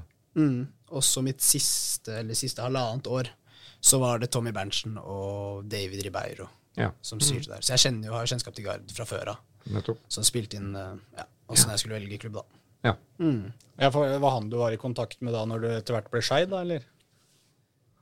Ja. Um, jeg hadde jo allerede vurdert å se et ny klubb eh, Hva blir det da? Vinteren 2019. Um, og da så jeg litt i Skeid eh, da også. Um, da var det jo Tom Nole som var der, og, og ikke like kjent for meg alt hvordan det var. da. Eh, så når jeg skulle bytte klubb, så var jeg i god dialog med Gard og litt forskjellig, da, så hjalp det på. Ja. Mm. ja, for det er, det er tung VIF-innflytelse i Skeid, altså både Gard og Morten Berre som, eh, som trenere. Ja, det er jo flere, flere også. Jonny Ademai er med en del. Har vært, hadde jeg litt i Vålerenga. Um, Fysio blant annet som har vært litt i Vålerenga, så det er uh, Det er vel de er som kjent. kanskje vil hevde det motsatt, eh, Reidar. At det ofte er tung skeidinnflytelse på Vålerenga. Kanskje det er sånn det er. Ja, ja. si. For det er vel ofte at det begynner, på, begynner i Skeid, og så ender i Vålerenga. ja. Kanskje ender igjen i Skeid, Det. Morten. Berre var vel sånn. Han begynte vel i Skeid og Ja. havna i Vålerenga. Ja da, det er jo stort sett sånn. Ja da. Mm. Ok, det er stort sett sånn. Ja, ja. Fredheim Holm og Daniel Bråten. Han var ikke i Vålerenga da, men Moa. Moa. Ja, ja. Ja, det er mange. Ja, ok. Men eh, eh, jeg husker jeg snakka med Aadland i Frigg da Frigg skulle møte Skeid i cupen. Det var en kamp du gleda deg til veldig, Reidar. For som du snakka om, det var jo to lag som alltid var i, i toppen i gamle dager. Skeid og Frigg. Ja, ja, ja. Og de møtes i cupen, da var det er historisk sus og full pakke. Og det er klart det skal dekkes grundig av eh, Dagsavisen. Og da snakka jeg med Ådland og, og skulle prøve å fyre opp litt. da, ikke sant? Sånn Skeid mot Frigg, gammelt uh, hatoppgjør, det. Og så sa han bare at ja, nei, vi liker egentlig Skeid litt, vi. Sånn. Nei, var det liksom, Hva slags forhold hadde du på en måte til Skeid før du kom til Skeid? Nei, ikke sånn veldig stort forhold til Skeid. Jeg husker bare noen intense kamper jeg sikkert var ja, 12-13 år i Frigg, med, med mye mål og, og god tenning. Um, og så hadde jeg jo ikke spilt så mye mot Skeid eh, i Vålerenga. Eh, Da var det mye ja, man skulle spille nasjonale tiltak og diverse andre, andre ting, så hadde ikke noe veldig Verken uh, veldig positivt eller negativt. Så Nei, det for det er jo- blanke ark, egentlig. Ja, for det er jo ja. Men var det noen var noe hovedrival liksom, da, du- da du var i Frigg? I byen her? Frigg var eh, Ja, da var det Oppsal. Så okay. vi tapte Tapte litt for mange finaler til, eh, særlig med 01-klassen, som var, var fryktelig frustrerende. Mm. Finaler i Jeg var HamKam uh, talentcup, og så uken etter så var det vel i Obos-finale. Så det, det sitter, sitter litt i nesten fortsatt. Ja, for det, det, er ikke en, eh, det er på ingen måte noe geografisk eh, rivaleri, på en måte. Det er ikke sånn naboklubben akkurat Oppsal, men det er sportslig. og eh, Møtte dere hverandre liksom ja, Jeg tror nesten det Det er nok ikke så mange andre i Frigg som kanskje er enig i det, men akkurat meg og de jeg spilte med der, så var det, var det rivalisering eh, Ja. mellom de klubbene. Ja, det er, det er jo sånn det blir. fordi du, Hvis du møter på det samme laget nok ganger Jeg husker jeg hadde en kompis som spilte i Brumunddal, og så spurte jeg liksom, hva, hva var den store matchen, på en måte? Lørenskog. Det aller verste var å møte Lørenskog, og tenkte jeg, det har jo ingenting med hverandre å gjøre. Jeg tenker jo umiddelbart når du tenker du er Frigg, ok, og du ikke er Lyn Det er jo ofte Frigg og Lyn, føler jeg liksom er sånn, de, de har krangla i alle år, eh, føles det ut som. Og, og i og med at Skeid også, som du snakka om, eh, var inne i miksen her i gamle dager, så føler jeg ofte at det sitter litt igjen i disse klubbene. da, At det liksom betyr litt ekstra å, å slå de andre laga som har vært store en gang. Og jeg vet ikke, jeg er i hvert fall sånn som får alltid sånn inntrykk av lag uansett om jeg bare har møtt dem én gang. eller sånn. Jeg kan liksom tenke ja, Skeid, ja, det er de, de er fra Torshov. De kan være litt sånn eller litt sånn, men, men du, du tenker bare sportslig, på en måte? Du har ikke noen sånn Jeg det? inntrykk jeg er litt sånn enkel der. Jeg. Da går jeg bare utpå der, og det henger meg ikke så mye igjen fra liksom, forrige, forrige møte sånn sett, med, med mindre det er noe veldig, veldig hatoppgjør eller sånn, da. Uh, så er det jo det er Kanskje noe annet når man blir, når man blir eldre, da. Sånn som nå, så er det jo alltid, alltid tøffere og betyr litt ekstra møte Kjelsås, for eksempel. Um, men det er ikke noe som jeg har tatt med fra da jeg var yngre. Da var det egentlig bare lek, lek og moro. Ja, ja. Ja, I år slipper, slipper dere vel å møte Kjelsås, antagelig? Ja, litt, litt deilig det òg. Eller vi hadde jo treningskamp eh, Vi skal jo alltid møte de minst én gang i året, da. Ja. Så de setter jo opp treningskamp eh, mot de om vi ikke er i samme divisjon, selvfølgelig. Ja da, det kan jo bli cup- cupen også. Ja, så, ja. Som i fjor, det vet man ikke. Nye cupen som starter før den gamle cupen er blitt avslutta. Ja. Ikke den samme cupen som dere akkurat uh, røk ut av. Det, er, det, var, ikke det er ikke så bittert, for det er nye muligheter til Ullevål eh, snart. Skal vi kikke litt på eh, Vi har jo fått inn noen spørsmål. Vi må i hvert fall ta Jonny sine. Ja, vi må vel ta alle de andre vi har fått inn også. Eller? Ja, ja, du, du har kanskje oversikt, men jeg kan Ja, eh, starte med Jonny sin. Og Han eh, lurer på hvem den største skøyeren i uh, Skeid-garderoben eh, er. Største skøyeren, ja. Ja, Vi har jo fått tilbake um, Henning Tønsberg, Ja. som eh, det ikke er mulig å, mulig å komme utenom der. Med, med diverse kallenavn og alt de skal eh, Han finner på kallenavn Ja, for introduksjon, introduksjonen av seg selv var jo at han presenterte seg selv som potet, av type søtpotet og mye, mye forskjellig, så han, han er jo Han er en skøyer, absolutt. Uh, tror jeg nesten jeg må sette han på førsteplass. Ja. Mm. Ja, men, men, men finner han på kallenavn til seg sjøl, eller til dere, andre spillerne? Um, Har han noe kallenavn på deg, f.eks.? På meg Da burde jeg sikkert husket, da. Men det er liksom, det er nytt kallenavn hver gang. da, ikke sant? Ja, Gjør, du, gjør du et eller annet, så får du det som kallenavn i en ukes tid, og så, Ja. og så bytter du på. Ja, så hvis du, har, hvis du har et elendig mottak, så er det liksom Ja. stokken, liksom, Ja. det ene uka, og så er det silkefoten det neste. Helt riktig. helt riktig. Ja. Han hadde vel noen flere spørsmål òg. Eh, nå vet jeg ikke, han, han er jo veldig opptatt av disse hjemmebanene som Skeid har spilt på. Han, han Ja. sendte ut en tweet her da det ble klart at Skeid eller jeg vet ikke om det ble klart, men i hvert fall at dere skulle spille siste seriekampen denne sesongen mot Kristiansund hjemme på Jessheim. Ja. Og at det eventuelt da ville bli hans tiende hjemmebane, eh, hvor han ser Skeid på hjemmebane. da. Ja, det er utrolig. Ja, Så han lurte bare på hvilken av Skeids hjemmebaner du trives best på. Hvilke av Skeids hjemmebaner jeg trives best på? Det ville vært veldig merkelig å, merkelig å si noe annet enn Nordre Åsen. Ja. Jeg kan lese opp rekka her, da. Ja. Så kan du, det er jo, for jeg vet ikke Hvor mange steder har du spilt hjemmekamp med Skeid, egentlig? Jeg tror ikke For jeg har jo ikke Eller jeg har spilt i Valhall. Ja. Nei, eller eh, Nei, ikke Valhall, men eh, Intility. Det var jo ikke tellende match, så jeg vet ikke um, hvorvidt vi Nei da, men du har jo spilt der som Jeg hjemmelag. spilt spilte der um, Ja, Lillestrømhallen nå. Ja. Um, Grorud, selvfølgelig. Ja. tror kanskje det stopper der. Ja. Men du kan høre rekka, da. Ja, det er Ullevål, Bislett, eh, Voldsløkka, Bjølsen, Grorud, Intility, Nordre Åsen, eh, Valhall og Elleskollen. Og så da eventuelt Jessheim stadion. Jeg vet ikke hvor mange av disse du har spilt på i det hele tatt, ja, hvor, eh, hvordan de er. Det er sånn generelt, ikke bare som hjemmelag. Nei, Um,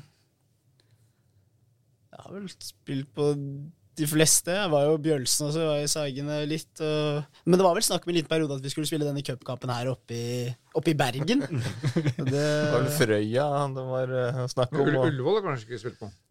Ullevål har jeg, ikke, har jeg ikke spilt på ennå. Nei. Bislett? Ja, det tror jeg jeg har gjort, ja. Ja. litt usikker? Jo, jeg må ha spilt der. Jeg spilte der for Vålerenga to mot Lyn, tror jeg. Ja. Ja, den gikk på Bislett. eh, ja. Lyn, Lyn Vålerenga? To? Ja, ja, Det jeg er hørte på, det. ja. det, men det, ja, men det, av disse banene så er det vel kanskje vanskelig da å sette noe annet enn Nordre Åsen øverst, da. Ja, nei, det er jo klink, klink Nordre Åsen, det. Ja. Uansett om dekket kanskje ikke er perfekt i alle tider, så er det Selv om det ikke er kork og kokos på Ullevål, liksom, så, så er fortsatt Nordre Åsen bedre. Nå skal de bygge ny tribune òg. så det, blir jo litt, det har jo blitt litt atmosfære der. Ja, men det er det gøy å, se, gøy å se progresjonen. Ja. Og det var jo det var veldig bra trøkk til tider på noen kamper i, i fjor. Så mm, om vi kan få enda litt bedre fasiliteter og, og fortsatt spiller bra fotball, så tror jeg det kan bli bra trøkk der eh, i år også. Det kommer til å, faktisk til å se ut som en liten fot- fotballstadion i år, med tak på begge, begge langsider. Ja, jo, de, har de fått tak på den uh, support-langsida, for å kalle det det? De holder vel på å bygge nå? Ja, det er det som skal lages nå, Ja, ja. det bygges nå. Mm. Uh, og så vil du jo etter hvert også få gummi tilbake. Ja, stemmer. Så det, da blir det jo uh, endelig over med dette helvetes kokos... Uh, Kjøret. Ja, helvete. Ja. Jeg syns det var litt synd at de skulle bygge tak på den andre sida. Jeg synes det var så koselig med de trærne som, som hang, over, hang over der på sommeren. Det er masse trær som ligger Ja, ja, men da får du dra opp i Grefsen stadion hvis du blir nøden. For det, Der er det trær. Der er det nok trær. Er Det var så fine trær. Det var sånn aveny, nesten. ikke sant, nedover der. Alle er jo enige på sommeren. Da er det jo veldig fint med de trærne. Mm. Men det er jo ikke så mange kamper du spiller når det er fint nok vær til å bruke det som skygge, kanskje. Jeg må det overlate det- resten til dere, for jeg skal opp på Intility og høre på hvordan Vålerengen klarte å gå 42 millioner i underskudd i fjor. Ja, Det skal bli spennende å Det må høre. man. Så det må, det må ja. høre på. Ja, Da kan du bare forlate stedet, Solli. Men da ønsker jeg, ønsker jeg deg lykke, Det blir mange fine opplevelser på Nordåsen i år. Det blir det. Det starter, det starter med bortekamp. Sandnes Ulf, er det vel? Annen Ja. påskedag. Stemmer. Og så braker det løs. Jeg har bare tatt på meg headsetet, for jeg skal sjekke hvilken mikrofon du bruker. Så jeg skal skru av den når du går. Men takk for at du stilte opp, Reidar. Igjen. Du gir aldri, du. Gi meg aldri. Bra. Skal vi se. Vi kjører på videre. Vi, er det, vi, vi tar live, vi tar en lydsjekk mens vi ruller og går. Kan ikke du si noe, Pål? Si Jo, det, altså, det kan jeg jo. Ja, det var deg. Og Markus. Ja, det var deg. Da tar vi bort den. Sånn, da skal det være greit. Vi, vi kan jo prate litt til, vi tre. Jepp, absolutt. For uh, jeg vet ikke, hadde du eh, noen flere spørsmål der, uh, Pål, eller? Uh, ja, det er alltids uh, flere spørsmål kan vi jo få.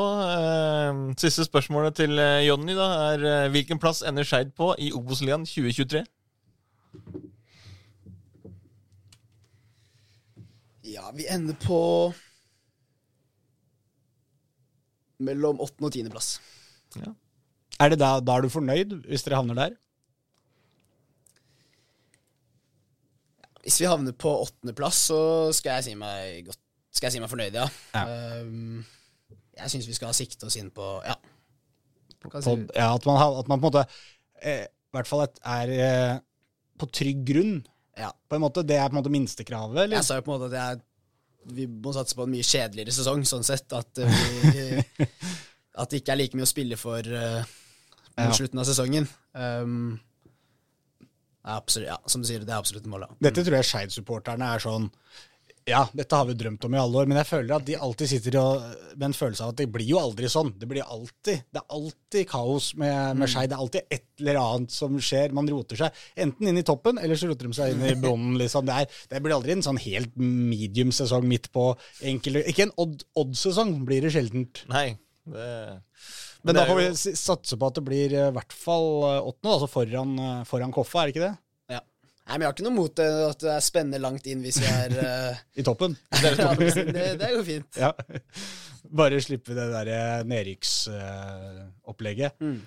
Det var jo litt sånn det var i, i fjor, når de spilte kvalik der mot, eh, mot Arendal. Så er det jo Arendal dere skal møte i, til helga, i treningskamp.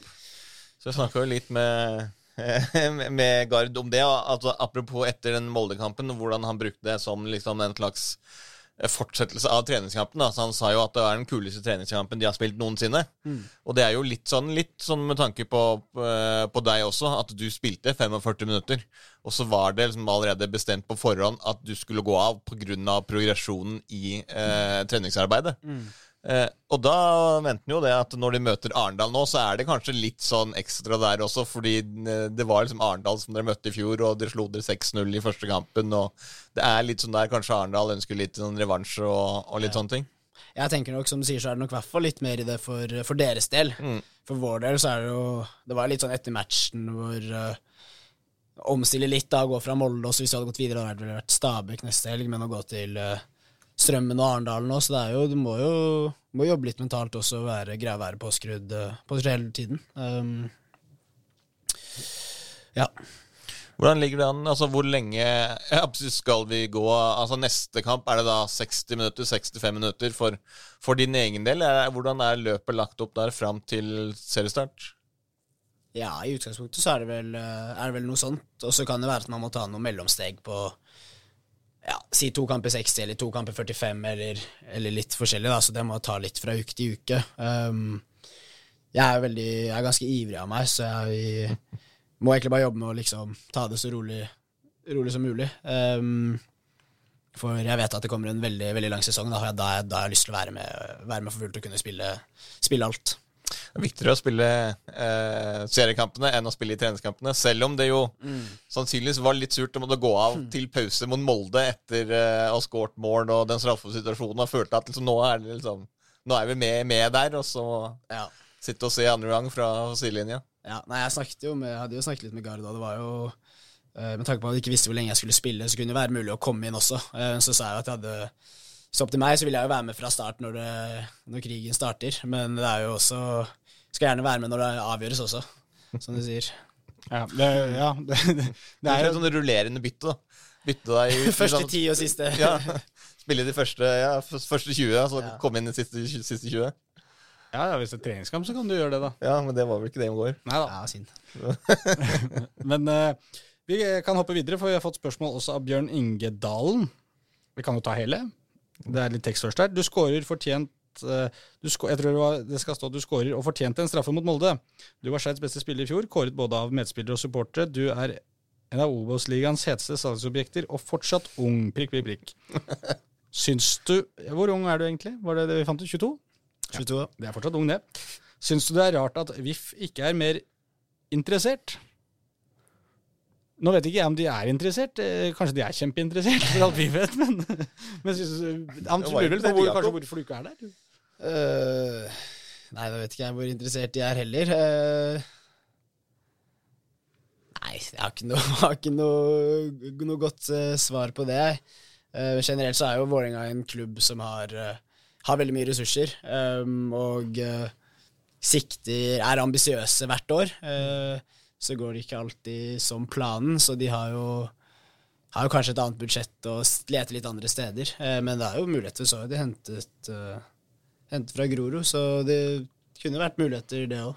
Ja, De har jo, de jo henta en del unge Oslo-gutter faktisk siste, mm. siste tida, men du kan jo ikke Det er liksom Jeg lurer på om det var Gard Holme som kanskje sa det en gang. at de kan jo bare stille elleve spillere på banen hver gang de òg. Så alle unggutta kan på en måte ikke mm. være en del av, av Vålerenga. Det er jo det som ofte er grunnen til at mange, mange etter hvert også drar vekk fra Vålerenga. Mm, ja. det, det, er jo ja, Vi hadde jo eksempler med Sai Christos, for eksempel, da, som som mye spilte han? og Et kvarter eller noe sånt i løpet av en sesong med Vålerenga 2 der, og dro til Grorud. Og i løpet av to sesonger så var han plutselig brennhet. Så, mm. så det er liksom ikke noe automatikk i at uh, hvis du er i Vålerenga, så blir du kjempe, kjempegod. Men, men det, jeg skjønner jo hvorfor han spør, for det er jo veldig ofte at uh, i hvert fall mm. Vålerenga-folka vil jo ha de beste Oslo-gutta i, mm. i Vålerenga. Men det er ikke nødvendigvis at man blir best der, da. Og så kan det alltid være muligheter seinere i karrieren. Og han lurer jo da også på eller, ja, eller, ja, Det er jo litt det som vi har sett på hvor mange av de eh, si, profilene, da, i, også i lokalfotballen i Oslo,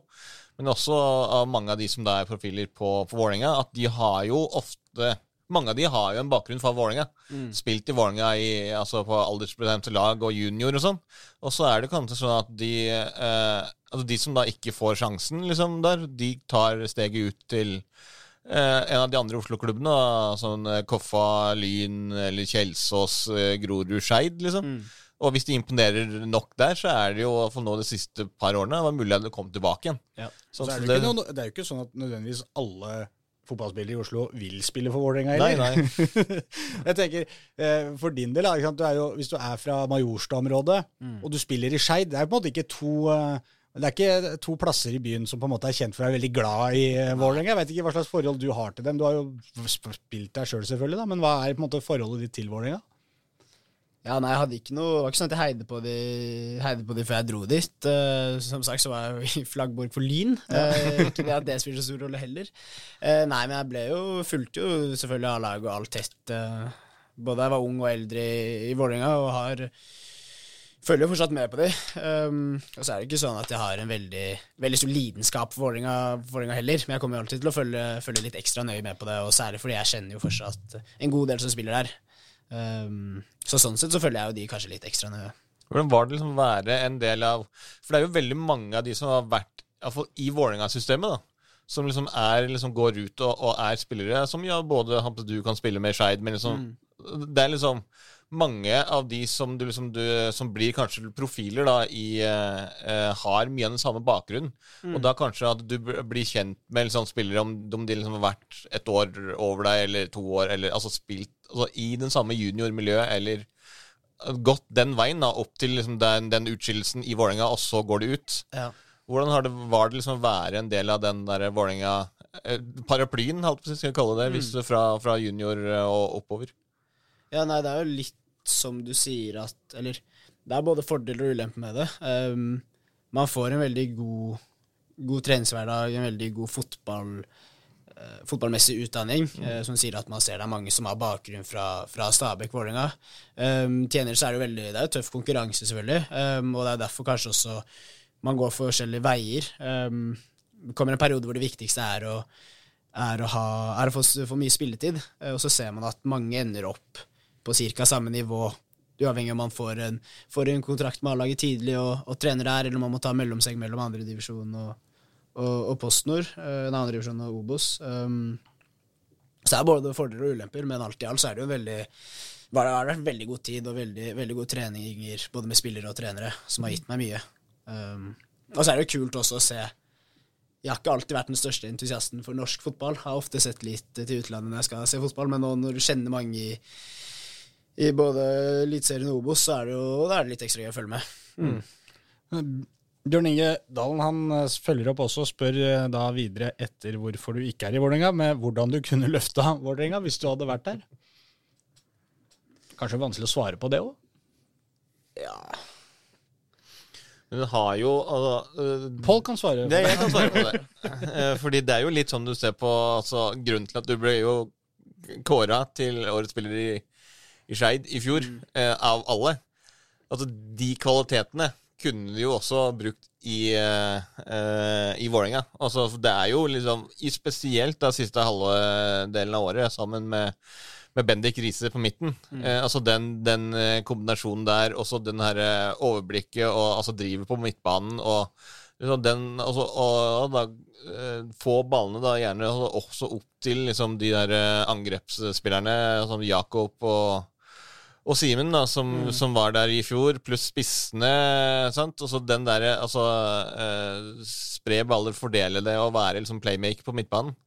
Det er jo det som har vært Altså det som var det i fjor, da. Han, det er jo altså det som har vært problemet til eh, Til Vålerenga, da. Det er jo litt sånn Ja, altså i, i hvert fall i år Altså oppkjøring i år, så har det vært veldig treigt og seigt, liksom. Ikke vært noe særlig. Det må, det må, må ha noen som setter litt eh, Setter litt fyr på det og, og bruke litt sånn egenskaper til også å spille eh, Altså, de må rett og slett spille hverandre gode. Mm. Men når vi først er inne på Vålerenga, vi kan avslutte litt med Skeid eh, på tampen her, men siden vi er på Vålerenga nå, eh, og du har fulgt litt med på dem, hva, det er veldig mange som er litt sånn bekymra, lurer på hva som skjer med, med Vålerenga denne sesongen. Noen er liksom litt optimister og føler at disse unggutta kanskje kan blomstre og det kan bli mm. gøy, mens veldig mange er uh, bekymra og, og engstelige og spent da, på hva som ja. kommer her. Hva, hvordan ser du sesongen til uh, Vålerenga?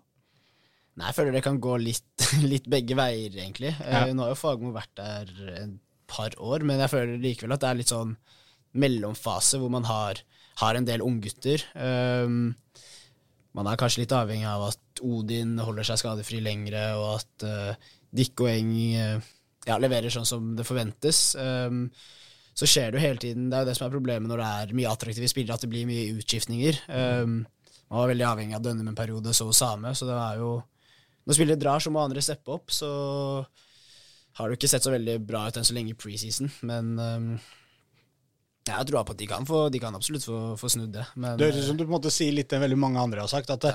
Hadde de hatt Bolly, eh, Dick og Eng, alle de gutta der At de hadde vært ett eller to år eldre, på en måte. At de hadde, og hadde ja. hatt den utviklinga man liksom håper at de skal ha. Men nå er det alltid sånn Ja, Bolly er god. Ja, Dick og Eng er god, men er de gode nok? Er det mm. ett år for tidlig? Er det to år for tidlig for dem? Hvis det ikke er det, så er jo laget, ser jo laget veldig bra ut. Ja. Men hvis det er det, så, så, skjønner jeg at folk er engstelige. Ja, det er derfor jeg synes det virkelig Det er på en måte litt inne i en sånn overgangsfase ja. man kanskje ser tidlig når en trener kommer, da. Mm. Um, men så er det selvfølgelig utfordrende når, det er, eh, når man har mye attraktive spillere og det skjer mye utskiftninger, da, så blir, blir det sånn. Så jeg vet ikke helt hvordan man skulle løst det annerledes, egentlig. Nei, Mye utskiftninger blir det jo mm. overalt. Jeg fikk jo eh, en melding her av uh, han Christian Tørkelsen, han som hadde lagd den Grorud ja. Underdogs-serien. Mm. For han hadde hørt på episoden vi hadde med Andreas Alrek, og han sa at uh, hvis du kikker på bildet uh, til Grorud etter den Lillestrøm-kampen, da de holdt seg, det var vel i 21, da? Ja, 21-sesongen? Ja, sist med Kjøne, det. Ja. Ble det riktig? Ja, det var 2020 Ja, I hvert fall den siste kampen der. Mm. Så hvis du, som jeg sa, hvis du ser på det bildet, så var det uh, var, vel, var det ingen Det var én spiller eller noe igjen ja. fra det laget. ikke sant? Mm. Til de som spiller der uh, nå. Det var en Ristov som var den eneste. Ellers er alle ja. ute før denne sesongen her. Og det er jo da inkludert trenere. Materialforvalteren er igjen, selvfølgelig. de er jo alltid igjen. De er alltid igjen. Mm. Men det er jo litt det som kanskje også er altså Hvis du skal ta forskjellen på, på Skeid og Koffa da, i årets sesong, som jo kan, kan spille inn for, for Skeid sin uh, fordel. Det er jo at det er jo mye større usikkerhet knytta til Koffa, føler jeg, enn det er for Skeid. Fordi Skeid, eh, når dere altså, greide å knekke en slags kode i fjor, da mm. sånn, også, Selv om dere har jo mista spillere sånn som Fredrik Bergli for eksempel, og Jakob, mm. men eh, Napoleon Romsås da, Men liksom, Fredrik har dere jo på en måte liksom erstattet allerede i, i Flo. Mm. Uh, og da er det liksom Og dere fikk jo inn tilbake igjen Kristoffer Hoven. Kom tilbake igjen, som også var på, på utland i, i Skeid i fjor. Ja. Så mye av det liksom eh, den, den, flyten og den, liksom, det potensialet mm. som dere hadde i fjor, det kan dere ta med dere inn i årets sesong også. Mm. Mens i, i Koffa er det liksom De har skifta ut masse spillere, spesielt i bakre ledd, som de har solgt til Eliteserien. Det er en ny trener, de har en god del nye spillere. De unge, eh, litt urutinerte, som kanskje ikke har vært på det nivået før. Mm. Som gjør at det liksom kanskje er litt mer usikkerhetstegn i Koffa enn det er i Skeid. Ja. Sånn, og det kan jo spille inn for, i, i Skeids favør eh, når det kommer til akkurat den her eh, eh Om, om, om Skeid skal slå Koffa på, på tabellen. Og jeg har vel Vi vedder vel på at jeg vedder vel mot. Du hadde, ja, du trodde Koffa kom over? Ja, ja, og det har jeg fortsatt eh, beklageligvis for de som er her. Fortsatt stor tro på. Så. Det trenger ikke å si beklageligvis. Det er sikkert mange ja, for, som hører på, feier på KFM. Ja, ja, det er det, men uh, Beklager for Markus, ja. For, for Markus. Ja, men jeg har trua på det. Ja, bra. Jeg tror på Markus, men ikke, ikke på Skien. Nei da, men vi kan jo tro på begge laga. Det er lov, det. Ja. Uh, bare for å koble oss litt inn på, på Skeid igjen, som du sier med stopper Bergli ut. Det er kanskje, sånn jeg ser det i hvert fall, den viktigste endringa med tanke på at Napoleon ja, han var god, men, men, han var også litt ute mot slutten av forrige sesong. Mm. Bergli har vært der flere sesonger, av liksom kapteinen. Mm. Eh, litt andre kvaliteter enn det de andre stopperne kanskje besitter. Men det, du ser på det, stopp, det stopperkorpset, for å kalle det det dere har nå, så er det noen, er noen sluggere bak der som skal vokte, vokte, målet. Det er ikke bare å pumpe baller inn i feltet og, og tro at man skal score på huet inni der lenger, tror jeg. Nei, det er ikke lett å, det ikke lett å plukke ut hvem av de, de som skal spille, spille bak. Så, og så er vi heldige med at også Flo kom inn tidlig. da. Det hadde vært noe annet om Fredrik hadde dratt for, uh, for en uke siden og Flo hadde kommet inn nå nettopp. Uh, så han har fått god tid til å komme godt inn i det, som er veldig viktig at vi får er solide, starter bakfra. da. Blir kjent hverandre og får kommunisert godt, godt derfra. Som jeg føler begynner å, begynner å sitte mer. Ja, og Haider spilte jo mye forrige sesong. Eh, Steiring kom jo inn og spilte litt forrige sesong, så det er to, to stoppere der som på en måte Ja, man har mista en som spilte omtrent alt, men, men, man har allikevel to med litt erfaring der, og så har du Flo i tillegg. Ja, ja, og så har vi flere, flere bra som hanker på bak der, og jeg syns Ayoda har, eh, har sett pigg ut òg, så jeg føler det er bra, bra dekning der. Mm. Det er akkurat det du snakka om, altså sveise det sammen. Hvor viktig er det Eh, en sånn treningsleir som dere hadde eh, nede i Tyrkia ah, jeg, Vi kan jo eh, Jeg har jo vært med, med um, Vålerenga til Marbella de siste par årene, og før mm. det så var jeg jo da med eh, Viking til, til, Marbella. Men dere har jo altså de siste par årene vært i Tyrkia, mm. eh, og da jeg har jeg vært litt mer for dere selv, på en måte. Altså eh, nå den kampen deres mot det kirgisiske laget også, var jo Det, var, det eksisterer jo ingen bilder av det, liksom. Så jeg måtte jo, når jeg skulle lage en tak på det, så måtte jeg ringe etter Gard. Og Gard måtte jo liksom si hva, hva, hva, skjedde i kampen, liksom, for det er helt umulig for oss å vite. Men hva, liksom, hvordan var eh, treningsoppholdet i Tyrkia? Hva gjorde dere? Hva, hvordan, hvor, hvor, viktig er det liksom der? Og, og, er det liksom kanskje noen forskjell på å være på et sted der det er liksom helt alene, kontra der det er mange andre lag, f.eks.?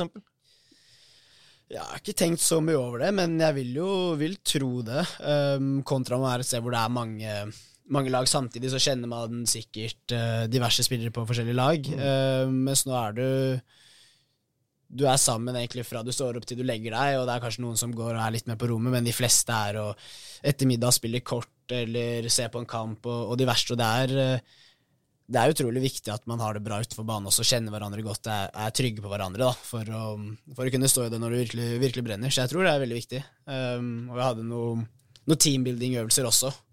Blant annet hvor vi kom inn i et uh, mørkt uh, Eller i et konferanserom med munnbind foran øynene for ikke kunne se noe, og skulle løse masse Det, det, høres så, det, er, så, det er så veldig skeid. Ja. Det er sånn ha, hva, vi, hva, vi har noe foran øynene. Vi tar, hva har vi? Hva har vi? Munnbind. Greit. Ja, ja, ja, ja er, uh, man tar det man har. Det beste. Nei, men det, det vil jeg trekke fram, for det var veldig hvor man uh, virkelig måtte gjøre noe annerledes, men, men samarbeid og jeg tror slike ting er, om ikke undervurdert, så er det i hvert fall veldig, veldig viktig. Men hva skulle dere gjøre? Uh, vi skulle faktisk De hadde lagt ut uh, fotballsko, leggskinn, drakt uh, og mye forskjellig rundt på gulvet mellom bord og stoler. Eh, og så skulle man gå i grupper som vi hadde fått, og så skulle man kle på da én spiller. Og alt dette skulle skje i blinde. Eh, du går med en annen, og du skal kle vi, på vi ham? Vi var fem stykker på gruppa. Ja, okay, ja. Og så skulle man gå rundt i totalt blinde og finne ulike finne ting. Og så skulle man kle på det en da spiller som var utvalgt til å, um, til å være mest mulig kamp, kampklar, da. og det var et ka kaos uten, uten like. Man trodde man var helt andre steder i rommet. og måtte, måtte samarbeide, og det var, ja, det var morsomt. Så det var fire stykker som skulle kle på én? Ja. ja, okay, ja. ja. Hvordan ble resultatet? Nei, det, ble, det gikk ikke bra for, for min gruppe. Vi hadde jo en keeper, da, selvfølgelig, som skulle, vi skulle kle ut. Han greide å ta på seg drakta feil vei. Du, du, kaller det kle ut når det er keeperen. Han kler seg ut. Ja, han kunne kle, ta på seg klovnekostyme. Nei, han hadde jo tatt på drakta feil vei, da, som jeg ikke skjønner hvordan er mulig. Du merker jo hva nummeret er foran, og Nei, nummeret er bak, selvfølgelig, og logoen skal være foran til venstre. Uh, ja, Så det gikk ikke så bra, men det var, det var Så dere ga det til han, og så skulle han kle på seg? Ja. Ja, okay, vi gikk rundt alle sammen og, skulle finne ting. da. Ja, uh, stolte på at uh, vedkommende keeper skulle greie å få på seg, få på seg drakta riktig vei, men det, det gikk ikke. Nei, okay, så det, dere kom dårlig. Hvem var du på gruppe med? Jeg var på gruppe med David um, Han nye keeperen Mats fra Tromsø. Nå outa jo han der, da, så det er greit. Det skulle jeg jo egentlig ikke si. Så er det Carl og Husker ikke siste. Det var jo blinde. Det var jo mørkt. Ja, det var mørkt. så ja. Ikke de mest vokale gutta heller, egentlig. Mats er ganske Snakker ikke mest, og David også var, måtte, var litt kaos. Man måtte få litt ut av komfortsonen. Ja, og hvis de andre gruppene er Hvis det er mye bråk på dem ja, i tillegg, så kan det bli vanskelig. Ja. Mm. men, eh, men var det noe annet gøy som skjedde på denne treningsleiren, eller ellers er det bare uh, Vi hadde ja, tyrkiske talenter også, hvor eh, de unggutta må ut og opptre litt diverse, diverse ting. Hvor det var noen sketsjer fra Mot i brøstet, tror jeg, og noen korttriks og forskjellig, så Var det ingen som imponerte, eller var det noen som imponerte? jeg var, jeg var, i, jury, jeg var i juryen, og det var eh, Ja, det har vært høyere nivå, må jeg si. okay, ja. Hva var det beste Eh, Det beste som jury, av eh, juryen? Ja, vi ga For det var Det var vel Noah Fjelstad som danset Michael Jackson i to, to og et halvt minutt. Men det var nesten For Det var i hvert fall ett og et halvt minutt for lenge. Ja. Det er, det er alltid Michael Jackson-imitatorer som går av med seieren. Ja. Husker jeg på ungdomsskolen. Og hver gang det var sånn, karn, sånn karnevalopplegg, alltid fem-seks stykker som kjørte Michael Jackson på scenen. og Det var alltid en vinner. Men apropos når du er inne på disse unge gutta, da. Mm. Vi kjenner jo, De som hører på denne podkasten, de kjenner jo godt til uh, Skeid vanligvis. Men er det noen vi skal på en måte holde et lite ekstra øye med denne sesongen? Er det noen nye, unge, spennende Skeid-spillere som vi kanskje kan stifte bekjentskap med denne sesongen? ja, det tror jeg absolutt. Um, vi hadde jo, jeg vet ikke, jeg vet ikke om jeg skal kalle han ny, men Mats Aasrud fikk jo komme inn på første seriekamp eh, i fjor. Ja. eh, og så ble det jo ikke så mye etter det. Men han syns jeg har tatt store steg, og ja, en av de skal være spennende, spennende å følge med på. Veldig bra driv og gir oss mm, litt ekstra dybde på midtbanen. Ja. Mm. Så det er, det er alltid noe, for det er alltid det som er gøy med Skei. Det er alltid en del unge, spennende spillere der også. Så er det jo litt sånn noen ganger at man veit nesten ikke på forhånd hvem som kommer til å gjøre det. Plutselig så er det en som du ikke hadde tenkt på engang, som får muligheten, og som Ja. kanskje slår til. Mm. Altså, vi henter spennende spillere fra, fra Asker òg. Eh, Nikolai, ehm, som er en dribleglad kant som eh, kan være bra å sette inn på når motstanderen er litt svimle fra før av. Ja, litt, litt tunge bein på, mot slutten og sånn. Ja. Litt sånn, var, var vel nesten litt sånn man brukte Jakob. øh, føler jeg også at I hvert fall da han kom til Skeid, så var det liksom Det var sånn det i hvert fall. Ja, Mm. at det tidlig der så mye innopp på slutten, og fikk liksom spille på seg litt selvtillit, hvor du får møte kanskje litt, Mm. litt tyngre backer. Så, så får du litt selvtillit, og så kan du begynne å starte kamper etter det. Ja. Nei, jeg veit ikke. Har du noe mer, eh, Pål? Jeg føler vi har kommet gjennom ganske mye her jeg, nå. Og klokka er jo mye òg. Klokka er en del. eh, Skal vi se, har vi vel ikke så mange flere spørsmål. Det er vel eh, ananas på pizza. nei, nei takk. Har du spist det? Ja, jo, det er, men det er ufrivillig. Det er når du ikke vet, vet hva som er Ja, ikke sant? Ja, så bare fått Men hvis dere tilbyr, så er det mulig jeg sier ja. Nå, for jeg er sulten. Ja, jeg er. Ja, vi har vel ikke noe eh, pizza med ananas liggende her. Det Nei, burde vi kanskje ah, hatt. vi, har, vi har mye annen, annen pizza. Men det må være Nei. Ja, men Kanskje vi burde hatt uh, Jonny har slutta å stille disse spørsmålene Ja, om ja. ananas på pizza. Det var faste spørsmål. Han pleide å stille stille, ja. Ja. Alle har fått det, men han slutta etter han fikk eh, kjeft av Reidar her eh, med en eller annen sending. Så Ja, man blir jo godt kjent da, hvis man vet om uh, noen liker ananas på pizza eller ikke. ja, du må holde deg unna, liksom, hvis de liker det. Ja, de, ja. De, Det er ja, de folk, ja, ja. Ananas på pizza-folka, de kan vi ikke ha noe mer. Er du også nei, Pål? Ja. Ja. Altså, jeg, nei, jeg, jeg er litt sånn uh, Det er ikke en lang utgreiing her, men Nei, nei. Men altså eh, Jeg ville jo ikke bestilt det selv. Nei, men du spiser jo, så får du det. Men hvis det, liksom, det er det eneste alternativet, Ja. så ja. Ja, ja. Der er jo kanskje flere, da. Ja, ja. ja. Ja, Det, altså, det er ikke det verste som fins liksom, i verden. Det er pizza. Det er pizza. ja det er sant, det. Ja. Eh, 10. april er det første seriekamp. Sandnes Ulf i uh, første var de som var i Tyrkia, var det du sa, som ikke ville møte dere.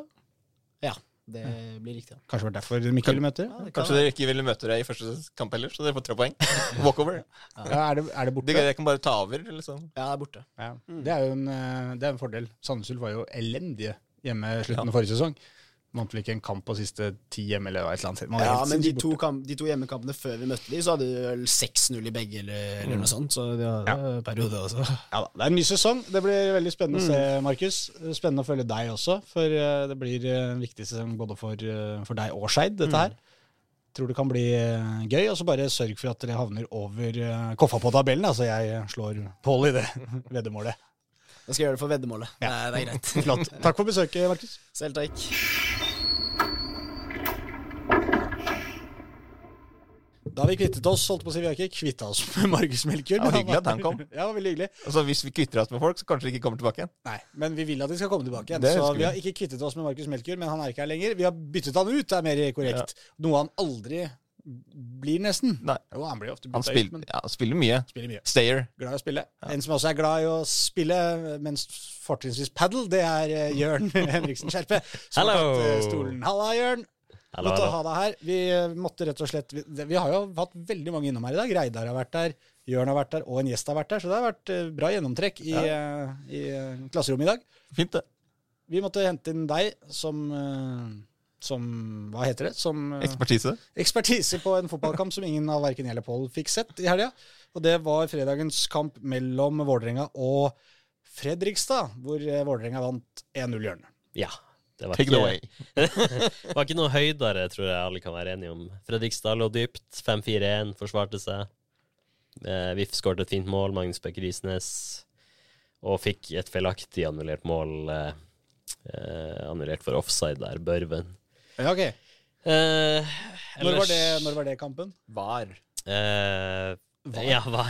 Når var det kampen? Det var like før pause, det. Ja. Ja, og da var, var, og da var stillinga Eh, var det før eller etter eh, 1-0-skåringa? Det er jeg neimen ikke sikker på. Jeg lurer på om det var rett før, kanskje. at annullerte målet kom? Ja, Ja. men eh, jeg ble litt usikker. Ja. Ja. Ja, Det er utrolig slemt å stille sånne spørsmål til en som har vært på kampen, selvfølgelig. Ikke sant? Men det største høydepunktet for mange var kanskje at uh, Vitinho, Ja! brassen, fikk sin debut. Hvordan var han? Og hvor mye tid fikk han? Han fikk vel en knapp halvtime. Han fikk gjort eh, Han hadde to nesten Eller to sjanser, da, men eh, den ene ble klarert, og den andre rakk han akkurat ikke frem til. Ok, Den ene ble klarert eller blokkert? Ja, miks. okay. Har skjedd knallhardt i en spiller som blokkerte og klarerte. Han skøyt forbi keeper, og så kom det en Fredrikstad-forsvarer der og bein, fikk beinet på ballen. Ja, sånn, ja. ja. Så, men uh, det var nesten drømmedebut for Vitinho. Men han fikk stor ros av uh, målskårer Magnus Bech Risnes etter kampen, blant annet. Han sa at uh, Vitinho kommer til å ta Eliteserien med storm. Oi, såpass. Så da er lista lagt. Ble du like eh, overbevist i den halvtimen du fikk se han, eller? Ikke av den halvtimen, nei, kanskje. Men, uh, men han kom jo til, som sagt, et par sjanser der, og ja. Så det blir spennende å se han eh, etter hvert. Da, eh, hvem var det han kom inn for og, Han erstatter vel Børven og gikk rett inn på på spissplass, ja. Ja. Så det er jo han han skal kjempe mot, eh, selv om han kan brukes litt på kant og der, så Mm. Bortsett fra det så var det jo ikke, som sagt, eh, veldig mye underholdningsverdi, og det var jo noen småbekymra VIF-fans eh, på, på tribunen der. Det var en som kom bort til meg etter matchen, blant annet, og sa uttrykte uro for ståa Ja. noen uker før seriestart. Ja, Det har vi vel, altså alle, gjort. Ja. Ja, Vi snakka med Markus litt om det nå, at det er litt sånn inntrykk man har av Vålerenga, at det er litt sånn enten-eller, dette her nå. Altså, ja, disse unge spillerne, de kan slå til, og det kan Hvis de gjør det, så kan det bli bra. Det er mye som eh, må på plass Ja. av eh, faktorer der. ja. Så, men jeg og Pål snakka vel om det i en tidligere podkast òg, eksempel, at uh, Odin Tiago Holm var jo i kjempeform på samme tid i fjor, i Algarve for eksempel, mens nå har han slitt litt mer. Og han er jo en av de viktigste brikkene i VIF-elveren. Som Vålerenga fikk lov til å øve seg litt på å spille mot etablert forsvar, så ble det på en måte ikke noe sånn Man ble ikke så mye klokere, er det det du prøver å si? Egentlig, ja. Ja. Eh, men Fagermo var jo eh, fornøyd. Han påpekte jo at Fredrikstad knapt har sluppet inn mål i, eh, i preseason, så de klarte jo å bryte dem ned til slutt med seier. Ja, da får vi ta et par ord om uh, målskåreren kanskje òg, da. Magnus Beck Risnes. Ja, han er jo eh, lovende. Han er jo Jeg vet ikke hvem vi kan si er VIF-spilleren som åpenbart er i form for tida, Pål, men uh, Nei, det er Risnes er, jo Risnes, da. Det er jo kanskje Han bare er den Risnes. eneste som Eller kanskje den eneste, men, men jeg syns han gjorde flere oppløftende kamper når vi var på Marbella. Eh, også kanskje den eneste som var eh, Altså den kampen tapte for Malmö. Så syns jeg også han var, eh, han var positiv. Eh, og nå skåret han igjen. Viste at han har det inne også. Så, Mm. så nei, Bekk Risnes, det er eh, ja, det er, det er framtiden. Ja, Det virker som at man spiller seg sånn gradvis varmere og varmere i den A-lagstrøya der nå. Jeg har Ja. liksom hørt om han ligge der i vannskorpa, vært bra på andrelaget. Vært litt oppe på A-laget, sittet på benken litt og prøvd seg lite grann, på en måte. Men hvor nær er han liksom nå? Ja, I fjor så skrev jo, eller var det jo flere av de andre yngre som spådde at han kom til å få virkelig gjennombrudd i 2022, men, eh, mens nå er det da Nå har du tatt eh, copy-paste? copy-paste på mange måter. ja. Nå har han jo Han virker jo nærmere å være nærmere elveren eh, nå Mm. enn i fjor. Men er han, inn, er han inne i en elver sånn du ser det nå? Eh, Nja, han er vel kanskje bak Strand og Bjørdal der eh, Ja. fortsatt. Så lenge de er skadefrie, så vil jeg tro at de starter med den eh, Altså i hvert fall på, på midtbanen, da, med, med Odin og uh, Henrik Bjørdal og Petter Strand. Ja. Uh, men sånn, blir en av de skada? Bjø, Bjørdal har jo, har jo hanglet litt i oppkjøringen. For han, Ja, fikk en smell nå og måtte ut, men han visst, det gikk visst bra. Og så kan det jo komme skader på bekk, og da har jo Petterson vikariert der. På Beck Visnes, mener du? Den likte du, Håkon. Ja. ja da. Men, men ja, så det kan åpne seg muligheter for han, absolutt. For, for han, jeg føler at han er en sånn spiller som Vi snakka litt om det med Markus. og Sånn, det å komme innpå på tampen av kamper eh, som en ung spiller, møte litt slitne, slitne bekker f.eks., hvis du er en ung ving og disse tinga her, kan gi deg litt bedre forutsetninger for å lykkes med saker og ting. Men føler at liksom Bekke Isnes han er en sånn spiller som han skal starte kampen og kan spille hele. Mm. han, han, det er ikke sånn at han nødvendigvis har noe kjempefortrinn av å komme inn på tampen. altså Annet enn å få erfaringa. Enig i det. Men det blir spennende å se, da. Skal, hvis ikke du har noe Eller hvordan var skåringa? Et eh, Ja, han eh, førte ballen eh, fram i banen og klinka til uh, via stolpen, venstre stolpe og i mål. Så fra 43 meter, helt rolig? Eller? ikke fra 43 meter. 42. Ja, det var et langskudd, var det ikke? Ja. Ja. Det var, jeg vet ikke, 20 meter eller noe sånt, kanskje. Så det var kontring? fint. Pent. Ja, det var vel en kontring. Overgang av et slag, i hvert fall. ja. ja. var Fredriksen har litt ubalanse der. og- stopperparet? Fredrik Olrup Jensen og Aron Kiel Olsen. De hadde jo knapt noe å gjøre, omtrent. Så det var Var ikke det akkurat det samme vi snakka om da Aron Kir Olsen kom på i en annen treningskamp? hvor vi skulle prøve å bedømme Var det Moss? Det var Moss, Moss-kampen, ja. Det var jo ja. Jeg har jo, jeg har jo satt Altså, de eh, 17, de 17 kortpasningene var satt jo de, på en måte. Det var akkurat det. Jeg hadde jo det etter den siste kampen de hadde på eh, Marbella. Så snakka jeg jo med Aron Kiel Olsen om akkurat det samme. For det er sånn helt mulig å sette børs på han. Han kom liksom inn etter pause der. Altså, de hadde, de, altså Motstanderlaget var ikke over midtbana eh, en eneste gang. Han trilla pasninger bak i forsvaret og slo av og til noen framover. Ja. Så han var helt enig med at det, det, du kan ikke gi meg mer enn fem her, liksom. Men du kan jo tenke på den måten at ja, han, det slipper jo ikke inn noe mål. Da, når han på Nei, banen, nei. Så du kan liksom ikke Kanskje han gjør noe riktig der likevel. Så, Nei, det, det blir interessant, det. Altså, eh, å se det. Nå var jo ikke Stefan Strandberg med en nå heller. Eh, og det er jo eh, Uansett om han er skada eller ikke, så er det jo litt sånn eh, kunstgress, slitasje, litt skader og litt sånt. Eh, han kommer jo ikke til å spille alle kampene. Nei. Og da nå har de jo da altså eh, Aron Kiel Olsen og Alexander Hammer Kjeldsen som de to eneste stopperne ved siden av han. Ja, men så er det jo så er jo flere som omtalte Heggheim, korttidslån Mm. eh, fra Brøndby der. Så Og det, det er jo da fram til sommeren uten opsjon på kjøp. ja, så Så det det er er mange jo som har stussa litt over det også, nettopp på grunn av at eh, han er jo i samme kategori som Altså, han er jo nok Han har kommet litt lengre, for jeg husker jo at jeg så han når eh, jeg dekka Viking eh, før jeg flytta til Oslo. Eh, og at da var, da var han i, i skarpa for å uh, komme inn på A-laget. Og så spilte han jo på A-laget i, i Viking i en sesong eller uh, to, før han gikk til Brøndby. Der det har blitt en del benkesliting. Men det er liksom Hvor mye mer si, erfaring og rutine kan han bidra med enn liksom Kiel Olsen og Hammer Kjeldsen? Det er jo åpenbart at og Kiel Olsen har jo aldri spilt Eliteserien. Uh, Hammer Kjeldsen er vel fortsatt 17, 16, 15, 19, 18 ja, Veldig ung, i hvert fall. eh. Selv om han er kjempelovende talent. Så ingen av de har noe erfaring fra Eliteserien. Det har eh, i hvert fall eh, Henrik Heggheim. Han Ja. har jo den erfaringen både der, og han har spilt i dansk superliga. Så selv om han er ung, og liksom ikke er en sånn rutinert stopper som kanskje folk ønska at de skulle ha inn som en slags backup, i hvert fall for Strandberg, Mm. så er det jo eh, Må man kanskje også ta litt i hensyn på på det som Reidar Solli nå driver og hører på, hvorfor det gikk 42 millioner kroner i underskudd. Det legger vel også diverse begrensninger på hvor de kan hente av soppere. Ja. Ja, nei, men uh, flott. Da har vi fått uh, sus gjennom Vålerenga. Da kan du forlate klasserommet hvis du vil det, Jørn. Eller så kan du bli sittende og bli med på resten. Vi får se. Ja, vi, vi får se. Plutselig er den borte. Skal vi hoppe videre til uh, Kan du ta VIF-damene med en gang, da, når vi er inne på VIF? Ja, eller? VIF 2 uh, som var samme VIF dag. 2 da, Kjelsås, ja, den gikk jo rett etterpå. Uh, og det 1-0 til uh, Hadde Jørn. Eh, det ble 1-0 til Kjelsås, var det sånn? 1-0 til Kjelsås, ja. Ja. Så uh,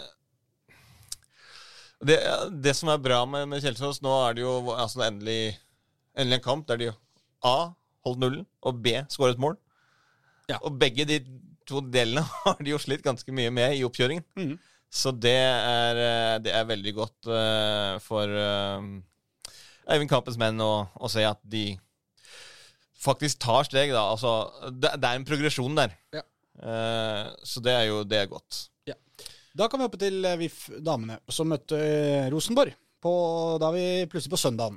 Det var på søndagen. Det var jo i, eh, i, på Salmarbanen oppe i eh, Trondheim. Det er jo Og Sævik var i eh, støtet.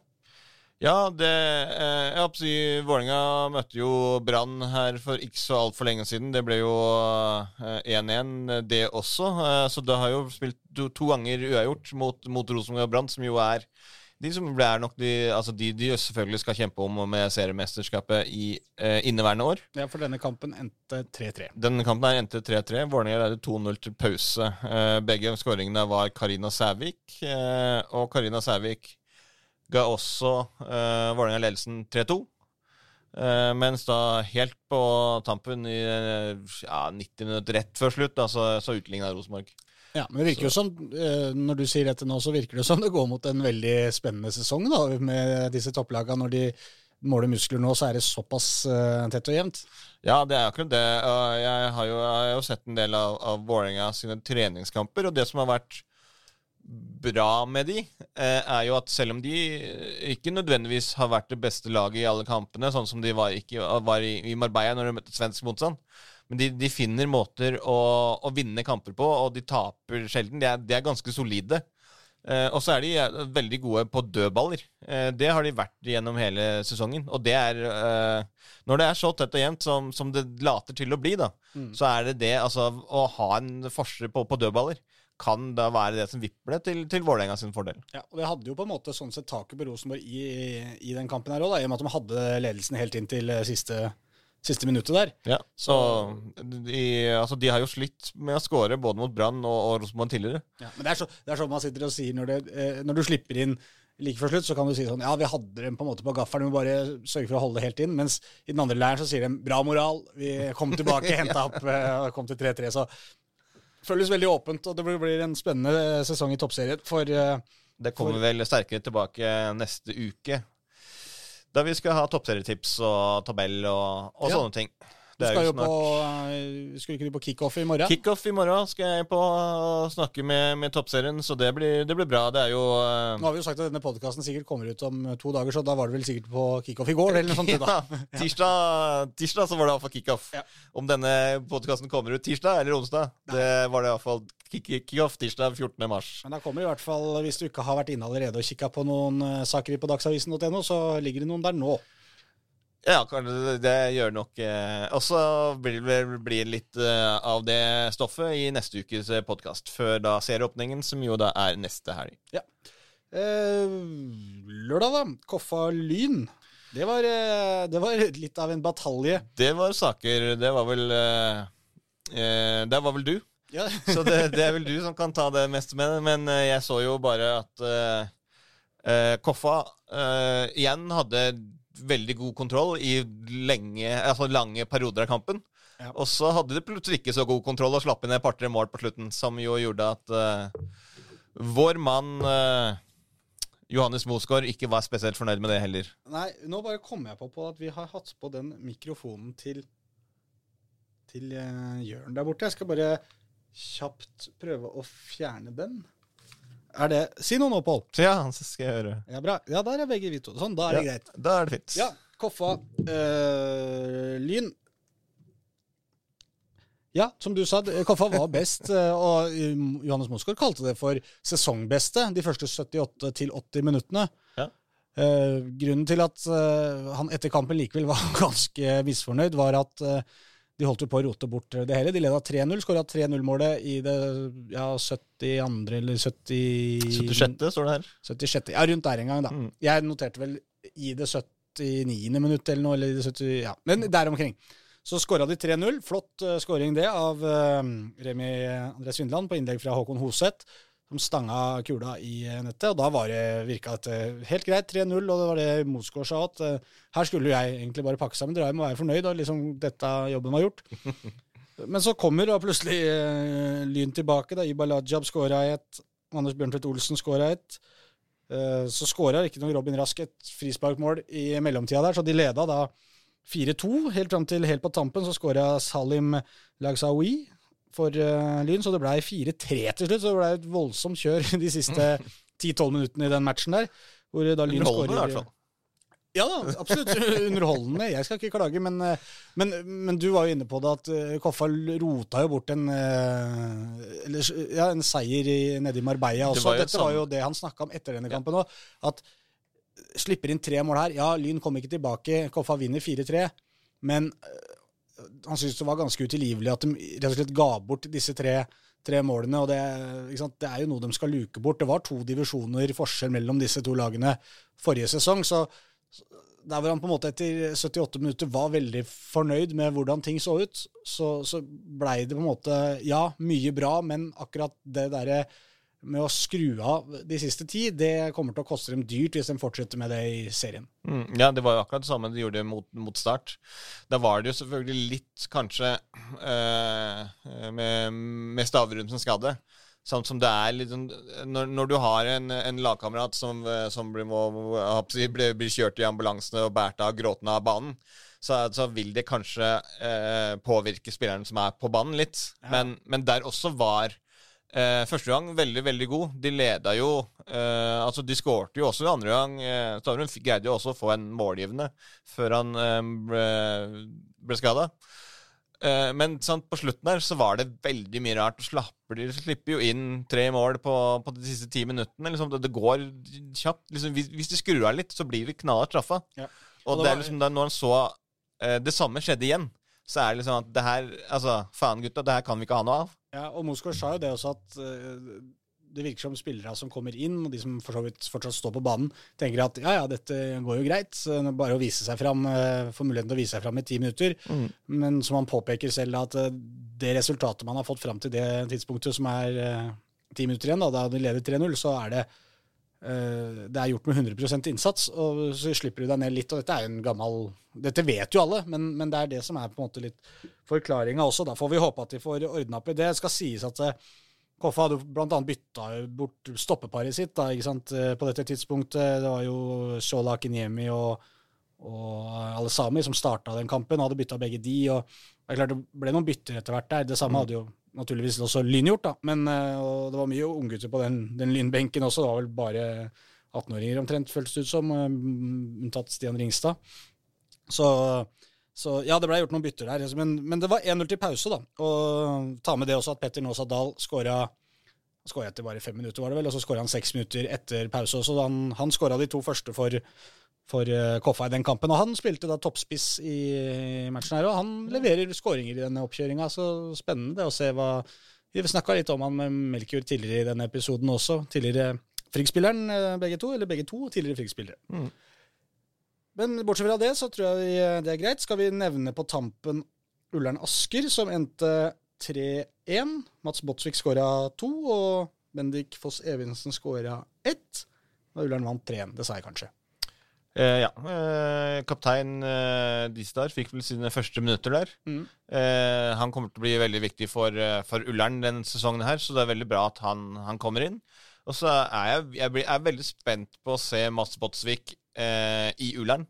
Fordi han var jo strålende i Lokomotiv Oslo. Lokomotiv Oslo skapte jo enormt med, med sjanser i fjorårets sesong. Det var ikke alle gangene de, de vant, og det var mange ganger vi tenkte liksom hvordan i all verdens dager greier dere å ikke vinne den kampen her når det skaper enormt med sjanser? Fordi det, hadde et veldig eh, offensivt og angrepsvillig lag under Sian Børven, som nå har tatt over Ullern. Mm. Så det blir spennende å se eh, Botsvik i sin eh, gamle trener eh, i sin nye klubb. Ja.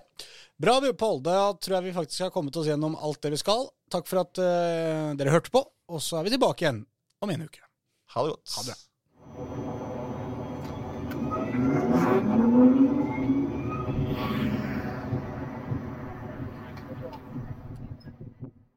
Du har hørt en podkast fra Dagsavisen. Ansvarlig redaktør heter Andreas Heen Haaland Karlsen.